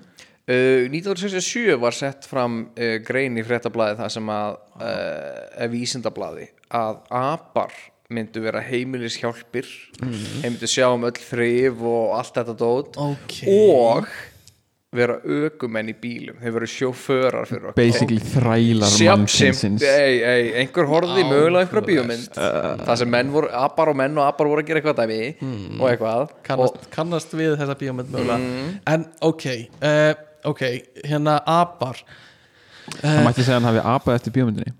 Það er guldspjaldabjörgun, leðilegt slóðum þetta í hann er í gulu ból og gulu sokum hann er búin að vinna þetta inn slaka á magnum hans í smástund uh, er, þú veist gætu við hjálpa þeim með svipa svona eins og setja einhverja flugur í heilan þeirra til að hjálpa þeim að hugsa? Hefur þú ekki séð einn einu bíómyndir senstu 20 árum viljum við reyna á það? Getum við gefið þeim líf til að verða ógeðslega gáfa nei, en hérna en ok, ok, uh, smá út úr, út úr þessu. Þú veist, hvað þarf að líða líka langu tími þangar til að, þú veist, aðrar dýrategundir er að fara að fá meira svona, þú veist meiri gáfur, skilur við þú veist, erum við að tala um að það gæti gerst einhvern tímann þegar mennin eru til? Það er bara af þróunarlegum ástæðum. mögulega. Og mögulega með einhverjum genabætingum. Pæling. Að væri, það væri okkar að kenna Já. Uh, og, og þú veist, ég er mjög spenntur fyrir eins og genasplæsingum að hérna geta breytt ég genunum. ég held að það verði mannbætandi. Ég ætla að segja ykkur það, Já. ég held að það verði laust fyrir mjög, mjög mörg allar svona genetísku sjúkdóm og við erum, með, við erum með tækni sem heitir CRISPR sem lofar góðu í þessu og getur breytt eins og hjálpað okkur með erðasjúkdóma og eitthvað svona getur líka hjálpað okkur með útlit. Þú veist, ég vil fá bláögt barn eða eitthvað svo leiðis og getur bara hanna barnið þitt oh my god, barnið mitt á að vera 1.60 I love it. Og svo fæðist barnið það bara damn, what the hell bro? Mamma og pappa, eitthvað svona fóreldrarnir ég vil fá svona lítinn sætan chubby gæja ég er ég fá lítinn pill Já. eða, svona, eða þetta verður bara svona ég vil að barnið mitt verði alltaf eins og þessi tí ára. Bara svona eins og köp, svona, bö- svona, svona cupcake hundar sem eru búin að vera þróaðir til þess að vera bara litlir alltaf. hugs og allt þetta rall Já, ef við fyrir að gera það við börn bara eitthvað svona, ég vil að krakki minn sé alltaf sætur og lítil tíu ára strákur eitthvað svona, og svo bara kemur þessi strákur og mamma og pabbi hvað fokkar eru að pæla eitthvað, þú veist, það eru alls konar svona sem getur sprottið upp úr svona genasplæsingum en þetta er víst, þetta er ódýrt þetta er, þetta er mögulega praktikal og þannig að þetta verður hægt að gera, þú veist, gena breytingar á fólki. Já, já, já, Þa, Og þá- það er framtíðin sko. og þá mun það líka ekki bara hafa áhrif á einn einstakling heldur mun að hafa áhrif á alla sem koma undan honum af því að þetta er í genunum hans eða hennar, þannig að veist, þetta er uh, þetta eru miklar drastíska breytingar sem verða að gera þarna sko. og, og þetta ef að samfélagi bara klippir ekki á þetta alveg Já. eða bara já. ákveður bara þetta er ekki lagi. En það þarf ekki nema eina aðra heimstyrjöld þar sem einhverju svona nasistar fari í einhverja svaka ranns, vísindaransóknir og gera bara það sem þeir vilja á þess að pæli einhverju siðfristóti og hérna og, og bara stoppa ekkert. Eða þú veist, bara halda áfram að, þróa eitthvað svona, eitthvað svona algjörstrugl þannig að ég er mjög spenntið fyrir þessu. Ég er líka þú veist, spenntur fyrir annari heimstyrjöld Já, ég er mjög spenntið fyrir annar heimstyrjöld ef ekki tveimur í viðbót, bara til að fá svona þróun í, í vísindin. Eh, það er mest að þróunin hefur alltaf verið þegar það er stríð þannig Já, að eh, meina vop, þetta byrjar í vopnum sem færist svo yfir í uh, aðrar greinar en bara eins og með hérna uh, game stríðu sem var. Mm Star Wars sem gerist fyrir löngu löngu síðan í einhverju vetrarbreyt langt langt í burtu. Mm veist, þar voru fullt af einhverju tækni sem við erum að geta sjá nei, það sem ég ætla að segja var eins og game svona kapplaupið, ekki stríð game kapplaupið hjá na- hérna bandaríkjanum úr Úslandi þau þeittu fram tækni framförum í mjög miklu sko, og hjálpuðu okkur mjög mikið. Þannig að ég er mjög spenntið fyrir því að það kemur eitthvað annað svoleiðis. Uh, en það sem ég ætla að segja líka var þú veist með eins og meðvitundina okkar uh, þú veist fyrir hundraðust árum kom mannkinni fram og, og hérna ég talaði um þetta í þætti fyrir nokkrum, nokkrum vikum en ég ætla samt aftur að segja að fyrir að tala um framtíðina þú veist fyrir hundraðust árum kom mannkinni fram og við, svo meðvitundin okkar hefur þróast mjög mikið síðan þá. Gerum við ráð fyrir? Þú veist við erum ekki allt í einu bara með þessa meðvitund sem við erum með í dag. Mm, þetta er eitthvað sem þróunarferli hefur hjálpað okkur með. Algjörlega. Á næstu hundraðust árum hvernig mun meðvindundin okkar þróast áfram? Mhm. þú veist, eh, þetta er ekki það langur tími í svona stóra samhenginu. En er samt Þú veist, erum við komin að einhverja endastöð í meðvitundin okkar bara þetta er að skúta sitt gets sem ég finnst mjög ósennilegt ég er enda að hef pælt í þessu með meðutundina mm. um, þú veist er, ég veit ekki alveg hvernig þetta er svona hvernig uh, já, hvað vísindamenn telli almennt Mm. en þú veist, er, er talið að man, maðurinn sé eina skeppnan eina dýrið sem er með einhverja meðvitund Ég- það er ein, ein tillagan skilur, og hinn er þú veist að þetta sé einhver skali, eitthvað spektrum en það hlýtur að vera, þú veist, einhvern veginn allt að þú veist, mann finnst einhvern veginn skrítið að hugsa til þess að allt í hennu hafi bara verið til meðvitund Já. eða þú veist, Já. hún hlýtur að hafa þróast Já. og þú veist, ok, á einhvern tímapunkti ef við erum eina Mhm. lífverðan sem er með sjálfsmeðvitund -hmm. þá hlýtur hún að hafa ok, hún var þá til á einhvern tímapunkti Mhm. sem gæti þá þýttir veist, ef að ok, ég ímynda mér, ef að meðvitund þróast Mhm. bara eins og allt annað og við erum veist, eina lífverðan sem hefur þróað með sér meðvitund og þá hlýtur hún að vera einhvern veginn frekar stutt komin. Já, já, já, algjörlega. Veist, og eigi eftir að þróast ennþá meira því að ef hún væri ótrúlega langt komin Já. að það væru aðrar lífverur til algjörlega, sem væru með Mhm. sjálfsmeðvitund. Algjörlega og þetta er þú veist þetta er eins og það- það- eins og mér þetta er hug 20 í þessu eins og ég var að tala um í þættinum fyrir nokkru vikum. Þú veist, annarkvort þróast þetta hægt og rólega sem ég finnst langlíklegast og við erum á okkur spektrumi og eigum eftir að halda áfram að þróast og fá mögulega þróaðri meðvitund eða einhverja öðruvísi meðvitund eða þetta gerist allt í einu.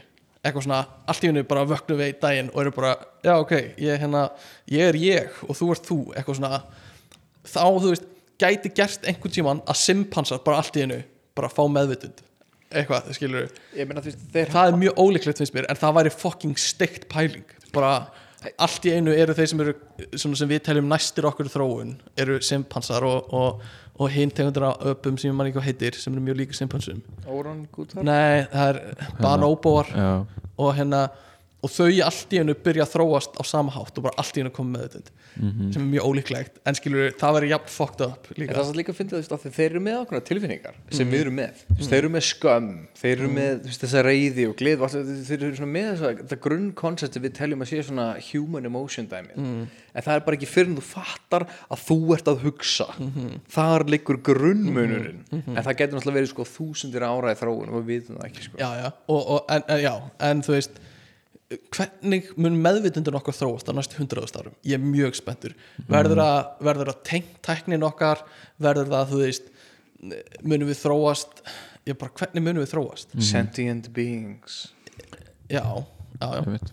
einmitt. Það, ég við verðum einar með heiminum. Men- hive mind. Já, það er ein pæling sem ég var með. Þú veist, mun að verða þannig að við tengjumst öðrum, öðru fólki betur og fyrir að skinja þau á einhvern annan hátt. Eða munum við algjörlega fara inn í okkur sjálf og að meðveitundur verða einhvern veginn svona algjörlega inn í haustum á okkur og verða eitthvað mjög þróið þar á einstaklingin ég, ég held að við verum örgulega miklu meira empathetic í kringum fólk við, við byrjum að túlka Mm. Já. meira og veist, ég held að þetta er svona veist, veist, ég er náttúrulega empath þannig að ég veit þú ert empath þú skinnja náttúrulega Já, allt saman þannig að ég veit þegar einhver vill komast fram fyrir mig í umferðinni skilur mm. þannig að þetta getur verið eitthvað það er ekki því. stefniljósin eða aggressífa keislan það sem þau eru einu sentimeter frá er þínum. það er empathi þú áttar þið á því að þessi bíl vill fara fram úr veit þú ert að hvenær- 40 km hraða vinstri aðgrun og 80 vegi og þú áttar þið á því af því ég er empath af því ég er empath að hann ég. vill fara fram þér já. allavega eh, mér finnst það ógeðslega áhugaður pæling af því þetta er eitthvað svona sem eh, sem mun taka breytingum. Og ég bara hvernig þróast meðvitund? Og hvernig hefur hún verið að þróast? En, trend en það get, mér, mér líður einhvern veginn eins og að, að mann finnst eins og meðvitund sé einhvern veginn bundin hæfileikanum til að tjá sig. Ok, já. Eða svona því að maður hugsar uh, eða svona það verður með tungumál. Því að uh, veist, ok, allan ég þegar ég hugsa, þá hugsa ég oftast á einhverju tungumáli. Já, já, eða svona uh, mann líður allan á þannig. Þannig að ma- ég ímynda að hugsa þess ef ég gæti ekki tala neitt tungumál veist, hvernig myndi ég hugsa? Algjörlega og get ég þá þú veist, get ég búið til hugsun og get ég verið meðvitaður um hugsunina og meðvitaður um sjálfa mig ef ég, En, hvað þá með fólk sem á erfitt með að tjá sig er það þá hamlaðara í þessari hugsun? ég veit það ekki Ég þetta, þetta- er bara svona pæling þetta er algjörlega, þetta er góð pæling og, og við erum með, þú veist, fólk sem tala tákmál og eitthvað svona sem tjáu sig ekki á sama hátt og við það væri spurning, þú veist, ef við myndum kenna öllum að tala tákmál myndi, þú veist þú veist, ef allir myndu læra bæði að tala bara með röddinni og svo tákmál og svo líka bara einhver fleiri hátt, skilur við Mhm. -hmm. Myndi það hafa áhrif á hvernig við upplifum heiminn og hvernig Ójá, meðutundin okkar væri ójá Ég lofa því að það er svo mikið af okkar samskiptum í heiminum sem gætu farið fram að tákmál Mm. og, og svo kemur bara tækni, hvernig kemur hún inn í þetta? Munum við læra að tjá okkur á annan hátt með hjálp tækninar mun það svo hafa áhrif á meðvitundin okkar? Þannig að það er fullt í þessu sem Ég líka, ímyndaði sko, ef þú tölur tákmál Mm. og við getum talað ímyndaði sko, það væri ákveðna típur sem myndir frekar kjósa að tala og vera vókal. Það sem allir heyri mm. og aðra mannski sem eru einfallega frekar bara, þú veist, veist ég sé fyrir mér bara, ég standi bara, veist, bara í vinnunni, ég standi fyrir alltaf kassan þá kemur mannski inn, ég standi fyrir að kalli fyrir alltaf búðina. Eða er einhver í, veist, eða lappa að manneskinu og spyrja bara, bara þú veist, vantar aðstof góðan daginn, allt þetta, að ég geti bara staðið og verið bara sænað bara, veist, bara vantar það eitthvað, veist, er alltaf góðu, góð daginn allt þetta, og mannski verið bara, nei, ég er fín eða, þú veist, herðu, ég actually þarf aðstof Gæti allir alltaf verið að hlusta tónlist eins og ég vil að heimurinn sé já, já, nákvæmlega. Alltaf með a- allt þetta. Og gæti bara tjá mig gegnum þú getur gert, þú, pælir þessu mikið meira þú gæti gert yfir daginn. Ef þú þurftir ekki að stoppa það sem að gera í gangi í, eirunum á þér til þess að tala um. Þetta er, þetta er spurning, hvernig þetta myndi vera. Og, og myndum við upplifa heiminn öðru í segja líka uh, pæling. En allan, eigum við að halda áfram með herðu, já, ég, bara talandum talandum Elon Musk. Mm. Túburu fyrir bíla. Já, ymmit 1957 kom hugmyndi fram að það er ekki vegir það verðum bara með uh, tube, Tubes. tubes, baby. Já, það væri stuð sko. Og verið með svona eh, hérna loftþjættar túpur sem eru á núningslausum ímyndið hvað væri fallegt ef að borgir væru bara með undirliggjandi túbur Mér, ég, er, ó, ég er með smá svona fettis fyrir svona underground einhverju og göngum Já. og leinigöngum og eitthvað svona eins og er í Fraklandi katakomb sem eru undir París það sem er bara undir öllum götum. því? ég, ég þetta dýrka dauða fólk allt svona- Mm, ég draugarnir. allt svona eitthvað svona leinidót sem er og sérstaklega göng, þú veist, ef ég myndi ráða og myndi með að smíða húsið mitt, þá myndi ég byggja fullt af leinigöngum og fullt af leiniherbygjum og eitthvað svona. Eitthvað svona dungeons og já, mér- dragons, það væri dragons eru líka góðir. Já, það væri mjög töff ef að allar borgir myndi byrja núna fari nýja framkvæmdir, búið til nýtt kerfi eins og í urriðarholtinu og undir öllu urriðarholtinu væri bara eitthvað svona göng og eitthvað svona það væri geggjað sko. Það myndi að make a sense samt uh, þú veist með svona borgarskipla ef þú værir að hanna borg Mm. núna myndir ekki hafa meiri af umferðinni niðan ég að sjálfsög ef, ef að borgin getur haldið uppi alltaf ég myndi að vera bara með göngu borgir það sem að þurfi ekki vera neinir bílar að neitt pláss eitt í einhverja vegi sem taka Æ, 10-15 metra breytt af En öllu er bara veist, ég, ég myndi með svona aðal vandamáli sem bara öryggismál. Já, ef að allt, ef, ef, ef, ef öll umferðin niðan ég þar mm. já, já, já, já. En- það en- komast ekki slökkunspíla fyrir það er ekki vegir. Bara belti sko. Ef við notum bara belti. Mm. allir með örgisbelti það er ekki að labba neitt, þú labba bara. Þú bara stýr en að palla og það er bara. alveg- það alveg en ég held að sé alveg hægt að gera þetta örugt skilur bara með góðum byggingaverkfræðingum og eitthvað svona skilur mm, ekki sem er lélugur núna. Fá Ja, alvöru byggingaverkfræðing. það, það, það, það er náttúrulega til veist, okay, það er náttúrulega er verið að fara eða þannig að einhverja pælingar með mikla braut í stokk og eitthvað svona bla bla bla. Já. en bara ef, maður hugsa um kvalfjöragöngin þú veist, um leiðu það er slís þá loka bara göngin nánast. það er horrið koncept stundum en það er kannski bara vegna þess að þú veist en það er enda stundum lokaðu bara í aðra áttina eða eitthvað.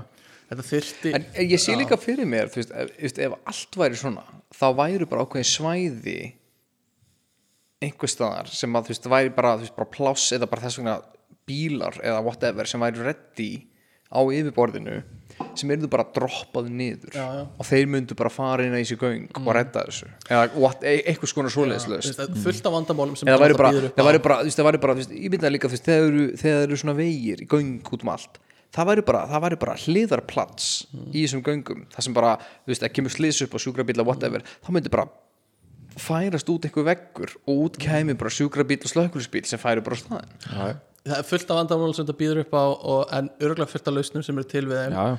Og, en ég veit bara að ef þetta væri svona þá væri ég gladur alla daga alltaf. En svo líka verður að því fleiri göng fyrir mér því gladari er ég. En það er líka verður að minnast á það slísi náttúrulega eru þau færri ef allir eru á spórum já, já, já af því að það er ekki það er ekki, það er ekki þetta það er ekkert, er til að beigja eða svörfa eða keira fyrir neitt veist, það er ekki nema græjunda klikki sem að verða slisin sko. en sjálfkerrandi bíla mögulega myndi hjálpa í ykkur svoleiðis. líka það bara uh, deili hagkerfið mm þar sem þú getur þú veist, það þarf ekki allir að vera á sínum eigin bíl og alltaf. guð, þú bara, þú bara færri, popp- færri þú bílar. bara, þú stýur út úr húsinu poppar ykkur á túpu, lendir inn í ykkur bíl og hann keirið á staðin og poppar út aftur. Bara easy. Önnur pæling uh, hún var reyndar því miður, ég fann að það var engin tíma sett dagsetning á þetta.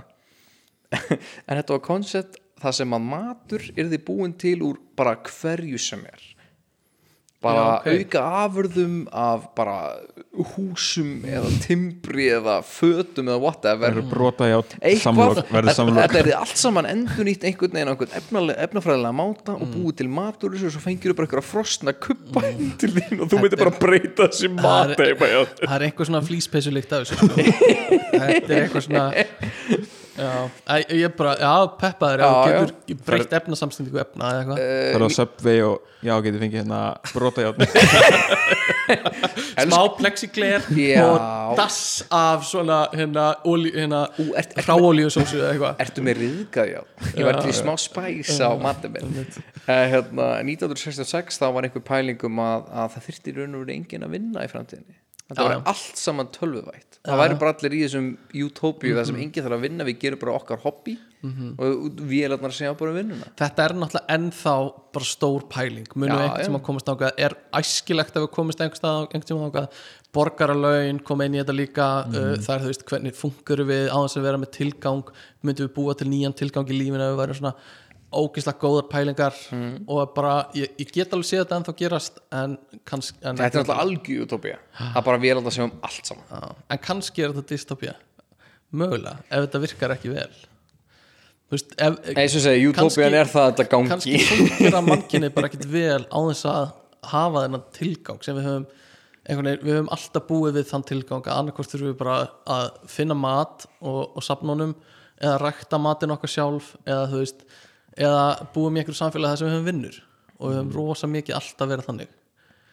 Myndi, ég held að fólk myndi sem alltaf uh, búa sér til hlut eða þú veist, Já, já. þú veist það er bara til kannski eitthvað svona annað algjörlega. hagkerfi eða þú veist, Já, þú veist það er svona kannski eftir ekki að borga með pening eða eitthvað þú veist, það er bara svona samvera þú veist, Það, það, það, það er verið að ég tala ég held það samanlega, ég held að er það alltaf einhver gjaldmiðl af því að, veist, ef þú ætlar að gera eitthvað sem er öðruvísi en aðrir og fólk er til í að hefur áhuga á því þá getur einhvern veginn búið til einhvers konar en ef þú færð bara allt sem þú vilt svona veraldlegt sem þú vilt þú veist, ef þú lifir bara í þeim heimi að þú vilt fara bara, á snekki bara Wally dæmið já, bara ef þú vilt fara á snekki þá eru sjö snekkir í höfninni sem þú getur bara leikt út eða eitthvað svona, þú veist, þú hefur aðgang á öllu sem þú vilt þannig við en það líka að the end of the day tekur frá allan individualism að þú gerir eitthvað sem annar gerir ekki. Eða ítir undir bara að þú fara að rækta þig nákvæmlega eins og þú vilt rækta þig, skilur og hérna, Já, en, en, en mannvarskan er mjög stolt vera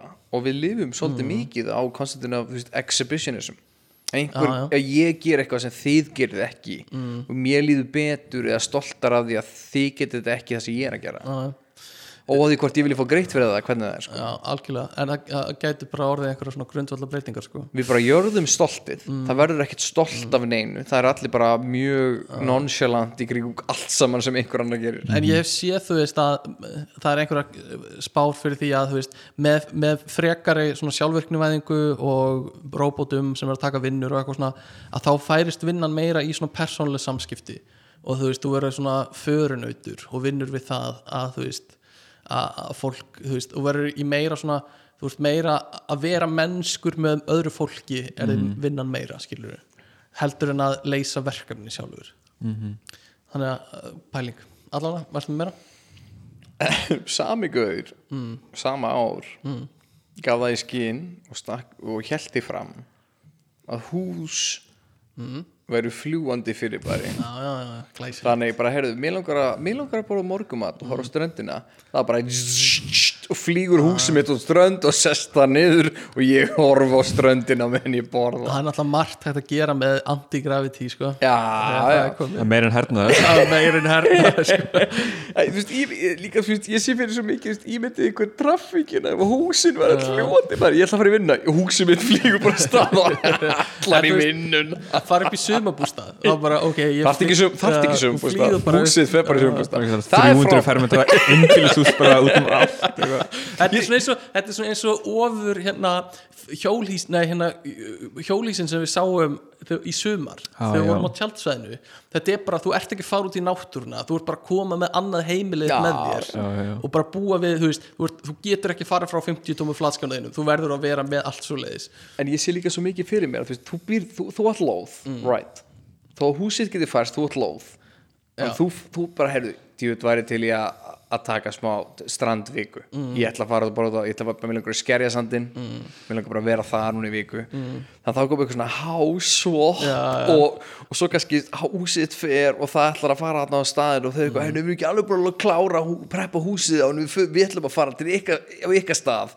Og, og húsið þetta er bara fljúandi yfir ykkur hús að býða eftir að þau klára að preppa allt niður og ég sé fyrir mér massíft logistist vesen yfir öllu þessu dæmi. En hugmyndir er satt allt í skemmtilega taka bara eina, eina nótt á vatna í ökli og láta bara húsi krassa okkur í ökli það er bara ekki um, hérna, hérna, hérna kemur kemur tvö núna 1900 aldamóti 1900 hot takes.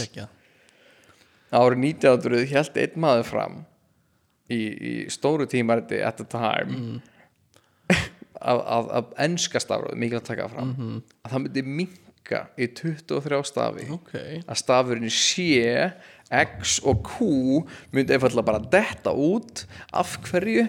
Af því þeir eru óþarfir. Þeir eru það samt. Í- Þeir Ég eru get gæt alveg Gæti Mér finnst þetta ekkert ótrúlega aðstæðanlegum minn nei, þetta er bara og Ísland það Setan tók var Já. farin og Já, en, en tekin ég myndi ykkur samt luxusinn það sem sko, við erum með 32 stafi á meðan breska stafróði eða enska stafróði með 26 Já.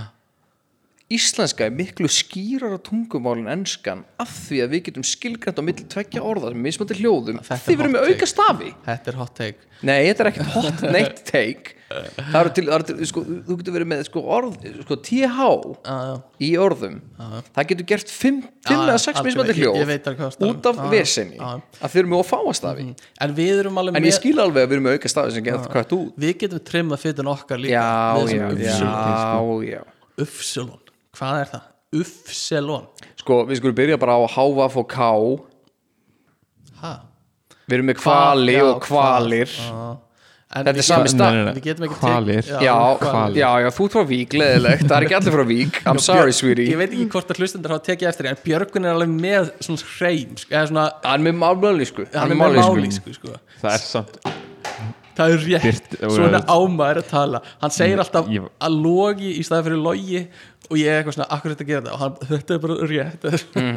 Þetta er skrifað svona. Það er úslega gaman að horfa frétna með Björk Sko, ég veit ekki um, hvenar ég sa, Þú veist, ok, ég sagði þetta kannski þegar ég var Hvað, 17 ára eða Já, eitthvað í, í MR var þetta mjög apparent og það var smá stolt í því að, að mamma þið var frá Vík og, og þú erðir smá málisku frá því. Þannig að konceptið, sko aðnáttúrulega því voru náttúrulega alltaf við starfræði saman, oft á viku og orðið svigi eins og Björgur segir það eða svigi eins og eðlert fólk segir Svigi. það kom fram allt of oft og þetta var þetta var hot debate á meðal, meðal ungra mentaskóla nema í, í, í, í fjórða þriðja og fjórða B já, já. En, en, Ég veist að ég er farin að segja þetta sjálfur sko. ég er farin að gera þetta út af þér sko. Út af mér já, ég segja oft logi núna og eitthvað svona Logi en gengingill hvað með, hvað með okkar besta fréttamann á Rúf? já, logi Begga Erman. Nei. Hann er ekki Rúf Nei. Bói Lergmann já, Bói Lergman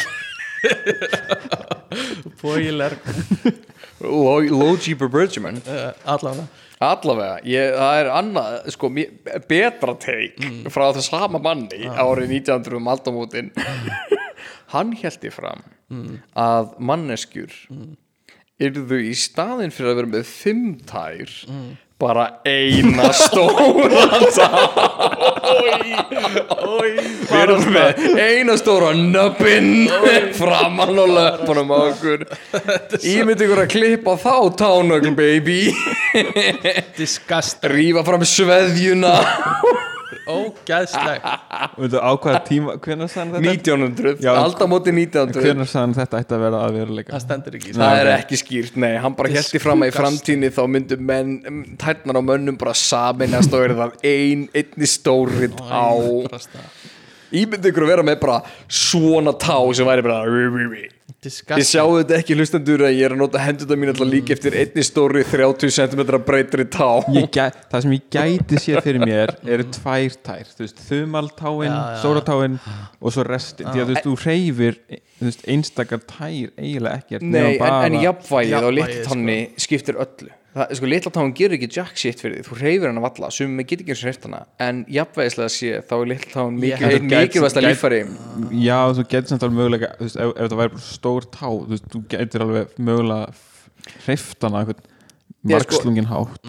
koncept, þessi, sko, þetta alveg sko fólk sem hefur mist litlu tanna í ykkur slisi jafnvægið þeirra minkar um bara asnalegu prósentu af því að önnu löppin þeirra er bara ekki með þetta, þetta halla jafnvægi á ytri, byr, ytra byrði lappar, lappar, sko. Ég hef fundið svona photoshopað mynd af þessu og ég get örgulega sett hann á Instagram fyrir þáttinn.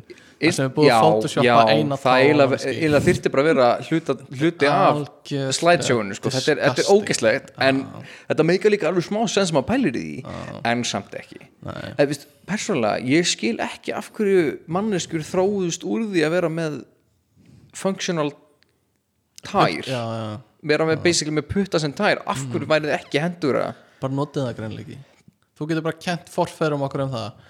Notið fokking tæknar eitthvað Nei, meira þú veist bara, ég persónulega þetta er eins og það einna helst kemur fyrir ræktiri það sem ég kannski er að fara úr nærfötunum mínum þá bara Mm. grípi rækt? nærföt ég gríp nærbúksnaðum mína með tánum á á mér ég lifti löppinu upp og ég tek það með höndunum. Í staðan fyrir að beigja mig niður og, og, og setja ála á bakið Mm. ég nota lappina mína til að koma hlutunum á gólfinu í hendurnar á mér. Við eigum örgulega líka eftir að missa hárið svolítið í framtíðinni. Já, og uh, við- erum að það vera ófrjóður óskandi fyrir óskandi fyrir mína mínar, mínar næstu kynslu hafið séð fréttinur um að mannkynni sé að vera ófrjótt? Ekki séða, nei, Já, en ég, hef alveg heyrt, eitthvað á heyrt næstu vísindin um 70 það. árum stefnir bara í að við verðum algjörlega ófrjótt. Smá er það af því að við erum mi- að það er mikið fólki eða? Það er út í að þú ert alltaf með síman í vasanum. tippinu já, þú ert alltaf að taka upp hluti nakin með síman og tippinu Já, ég ætla að- ég ætla að eitthvað svona rönga myndir af tifinu mín allavega uh, já, það, það er svolítið skeri sko. uh, hvernig það verður gert, kannski þurfum við bara að sapna fyrir rosa mikið sæði núna og setja í einhver sæðisbanka Mm. til að eiga Already erum við búinir hjá þér? Ein pæling eftir Ok. eða sensta pælingin, hún kom fram 1937 sem er mjög skemmtilega, hún var orðið mjög skemmtilega Mm. að að sem sagt uh, nýtja vörurnar kaffi, te og tóbak Mm. væru ekki notaðar í framtíðinni Mm. af því að það væru ekki nógu vók já, já Hva, Hva f-o-u-g-e. Ah. Essin eins og ég skil þetta það voru ekki nógu cool Já. til þess að vera notaðar í framtíðinni. Kaffi, te og tóbak er þetta bara átt Sko, ég sé- þannig framtíðar manneskjur eins og við myndum ekki drekka te eða kaffi eða net, net, nota tóbak. Tóbak er svolítið þarna. Já, ég sé kaffi og te tóbak, Tóbak, já, já ekki nýttja vara Nikótín. nikotín, nei uh, ég sé kaffi og te svona, mjög seint fara út. Es, með orkudrykkjum er það samt alveg byrjað að minka já, kannski hvort uh, myndir, hvort myndir þú, Stefán Gunnlaugur Jónsson taka einn hrímkaldan monster hvítan eða kaffibolla á morg, morgu fyrirlestri klukkan 8.30 í skólanum eða vinnunni að byrja daginn to be honest, ég er svona 50-50 ef ég drekk koffín yfir daginn, þá er ég 50-50 Kaffi sko ég skil sko, nei, ég er svona mér- 70-30 í mér kaffinu. finnst, mér finnst kaffi vera svona ég ætla á stað að fá mér ni- þú veist, kaffi, nikotín nikotín ég mil alltaf sígarettu ég og fer, ég fer alltaf að tega kaffi og, og bara kaupi margbara rauðan. Uh, Nei, mér finnst- Dýr nikotínpúðunum onni espresso. Og setja henni svo upp í þig. Stráði kókaini yfir og gjössalega verðvíraður pældi hvað þurftir að kúka mikið þá maður. Kviknur öll en, en, en mér, mér finnst sko ég fæ mig kaffi og ástæð fyrir að ég nýta þess að fá mig kaffi aðalega er að ég drekk ekki kaffa staðaldri. Nei. Þannig að þegar ég fæ mig kaffi þá gerir það actually eitthvað fyrir líkamann minn. Já. Veist, ef ég er þreyttur og ég fæ mig kaffi þá virkar það líka á mig. Já, ég get ekki sopnað bara ef ég fæ mér einn kaffibólla sko. sko, það hefur er ekki, ekki fimm, mikið sko. áhrif á svefni minn en, Ógeðslega en ég, þekki, ég þekki líka einstaklinga sem að bara eins og einn, góðu vinur minn orðaði það mjög vel. Mm. veist, sadly fyrir hann. Ef ég fæ mér ekki þrjá kaffibólla fyrir tíu þá fæ ég já, hausverk já, ég veit hver þetta er. Já, Ó, en þú veist, e, ok, en hvernig er færðu þér einhver aðra koffindrykki eða færðu bara ekkert koffin, sko bara, ég fæ mér koffindur ekki ef ég er þreyttur. Mm. en bara ekki kaffi? Eða ég, þú færðu það ég, ég, ég, ég fæ mér orkundur ekki, ég fæ mér kaffi en þú veist, ef ég var ný, þú veist, sko, þú veist, það fer al- þú veist, þú veist, ég fæ mér ekki ég fæ mér ekki koffindur ekki á mótnana áður en ég fer út úr húsi. Já. ok, óháði hvort það sé til orkudrykkur heima eða hvort það sé kaffi, eða svo fæ mér kaffi heima eða hvað það er sko. En þú veist að ég kem í vinnu eða skóla og ég líður bara, ég finn bara ég er ekki það er ekki búið að kveikja á mér þá fæ ég mér eitthvað, en, En ef ég sef bara vel þá hefur það ekki áhrif á mig. En er það ekki akkurat þannig sem að þú veist fíknin virkar? Jú, Eða, þú veist, jú. þú veist, þú lend þú veist, það er nákvæmlega með hausverka umræðuna. Já, að þú já. fæ mér ekki þrjá kaffibólla fyrir tíu þá er ég komið hausverk. er það er bara- bullandi það er bara sko. háður sko. já, já, en þú veist þú ert bara ekki orðin háður kaffinu eða veist, Nei, en, en þess vegna vil ég líka meina að ég nýt kaff, eða, koffíns best af því ég þarf ekki á því að halda en ef ég er í því ástandi að mér líður eins og ég þurfi pick me up mm. svo ég sletti freka vel þá, þú veist, þá get ég sko, það er kannski ekkert endilega mikið preference mm. stundum langum í heitan drikka kallt úti eða whatever, þá fæ ég mér kaffi Stundum langum með frekar bara að fá mér svalandi drikk sem er líka kaldur og allt það. En þú veist bara þú veist það að ég geti fengið mér þurfum- er því ef ég er þreyttur. við þurfum að fara að taka salt úr saltegrun okkur að salta þetta. Uh, ég ætlaði bara að segja til að loka þessari kaffiumræðu uh, ég er ekki að fara að sjá þetta detta út úr menningun okkar. Ó nei. Uh, þetta er svo stór menning, hluti af menningunni. Ég, ég sé þetta meira þú veist Þetta verður alltaf partur af því að fara og fá sér kaffi og spjalla. Ég, sko, Þetta er bara líka sko, sérstaklega kaffi það er bara tísku vara núna. Já, og ég fæ mér yfirleitt bara kaffi þegar ég mæti í vinnuna og ég hef ekki mætt mikið undirfarið þannig að ég er ekkert mikið að fá mér. Og þú veist, þá er þetta líka bara partur að því að taka kaffibólla með vinnufélagunum og spjalla. Algjörlega. svolítið eins og sígarettur, þú veist ég hef aldrei reykt sígarettum mamma en þú veist á djamminu oft, nei, fó, veist, fóru einstaklingarstundum út í síkó skilur að spjalla og bara til þess að spjalla. Og það er ógislega næs eh, það var ógislega næs að fara út í síkó og spjalla bara ekki að því, þú veist, mér lákaði svo mikið að reykja bara eitthvað svona að vera hana og spjalla með sígarettin í hendinni, það var eitthvað við það sko. en, en það, er líka, þú veist, það er líka nákvæmlega sama konceptum með kaffibóllan Mm. það er næs að hitta fólk og, og framkama þetta. En Þetta er um svona leiðu ritual. dróðið fík Já, þá þarf það að gera þetta utan þess. Og þú veist eins og sumt fólk kannski vinnur á vinnustað sem kaffi er bara ekki bóði þá þarf það að fara eitthvað annar stað til að fá sér kaffi. Eða sama ástæða, þú, þú veist, fólk fer eitt út að reykja í ógeðslegasta veðri Já. af því að fíknin krefst þess. Já. þannig að þetta er svona þessi heila í milli, millivegur sko. en, En- þetta er bara svo mikið tískudót já, já, við skulum fara að segja þetta gott. Aftur ég, ég hef aldrei reykt og, og mun aldrei gera það. En hérna, við ætlum að fara að enda þennan þátt og uh, ógeðslega langur þáttur ógeðslega leiðilega langur þáttur. En framtíðin er líka er langur. Það er langt, er langt í framtíðina já. og, eða, eða mjög, ef við það er mjög stutt og allt langt og allt það. Þannig að við erum núna komnir inn í þessa framtíð sem við töluðum um í byrjun og hérna uh, nú eru við á, ekki lengur í fortíðinni og uh, þakka fyrir hlustunina. Styrtar alveg þáttarins í dag eru dúkkur og já, uh, hvers konar dúkkur svona sko harðar postulistúkur sem eru skeri og creepy en bángsættur eru mjúki þannig að þið líður svona aðeins betur. Já. já, og uh, við viljum bara þakka fyrir hlustunna uh, við erum á öllum miðlum ekkert að frétta er á Instagram ekkert að frétta uh, við erum á Twitter ekkert að frétta og þið getið sendt okkur e-mail ekkert að frétta gmail.com uh, eitthvað sem þið viljið segja að lokum drengir bara gaman að vera með ykkur ég bara, ég þakka þáttökuna og sjáumst í framtíðinni. Já, er það ekki? ég held að það sé bara fínast endapunktur. Ah, við glemdum að tala um framtíðina í MR og skólafélagi veistu, Ég mér, ætlaði- mér langaði að opna Ég þáttinn ætlaði þegar þú sagði framtíðin og ég eitthvað svona, að þetta var það við ég skála ætlaði að byrja bla bla þáttin á brandara um það. Ég, ætla, ég ætla að taka núna bara er velkomin í ekkert að frétta við ætlum að tala um framtíðina. Framtíðina? en ekki skólafélagið heldur hitt nefndafélagið oh, MR damn. Þannig að ok, ég er búin að taka hana brandara. Ok, við glemtum líka að tala um þú veist er rapparann framtíðin, Eh, bandarinska nei, oh. uh, sem er eiginlega sama og Tómas var að tala um en það er bara svona hvernig Star Trek ímdaði sér framtíðinu Já, einmitt.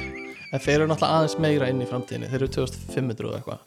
Nei, nei, er ekki bara 2000 150 eitthvað? Next Það fer Generation er 2500 eitthvað. Ok, ok, ok, Já, fyrstu þeir, eru þeir eru í- já, 27. öldinni eða- Já, TG er 2000 eh, Hvernig er það fyrsta? eitthvað? Er það ekki bara, þú veist, Tí- eitthvað 2150? Það er sko, ég, ég nenni ekki að tala um það Það er enginn- það er enginn að hlusta um þetta. Þetta er- það nenni enginn að Cut hlusta um off, þetta cut off, Stefan, go Þetta er góð punktur hjá Björgvinni Við hefðum gaman að tala um það, við eigum það inni bara eftir einhvern tímann ef við fyrir í Star Trek umræði að við þurfum að segja þessi þátt í lokið þætti lokið, takk fyrir að hlusta uh, takk fyrir að koma og vera með mér hérna uh, Takk í, fyrir mig. í dag og uh, við kveðjum bara. Bye. Du-du-du-du-dum.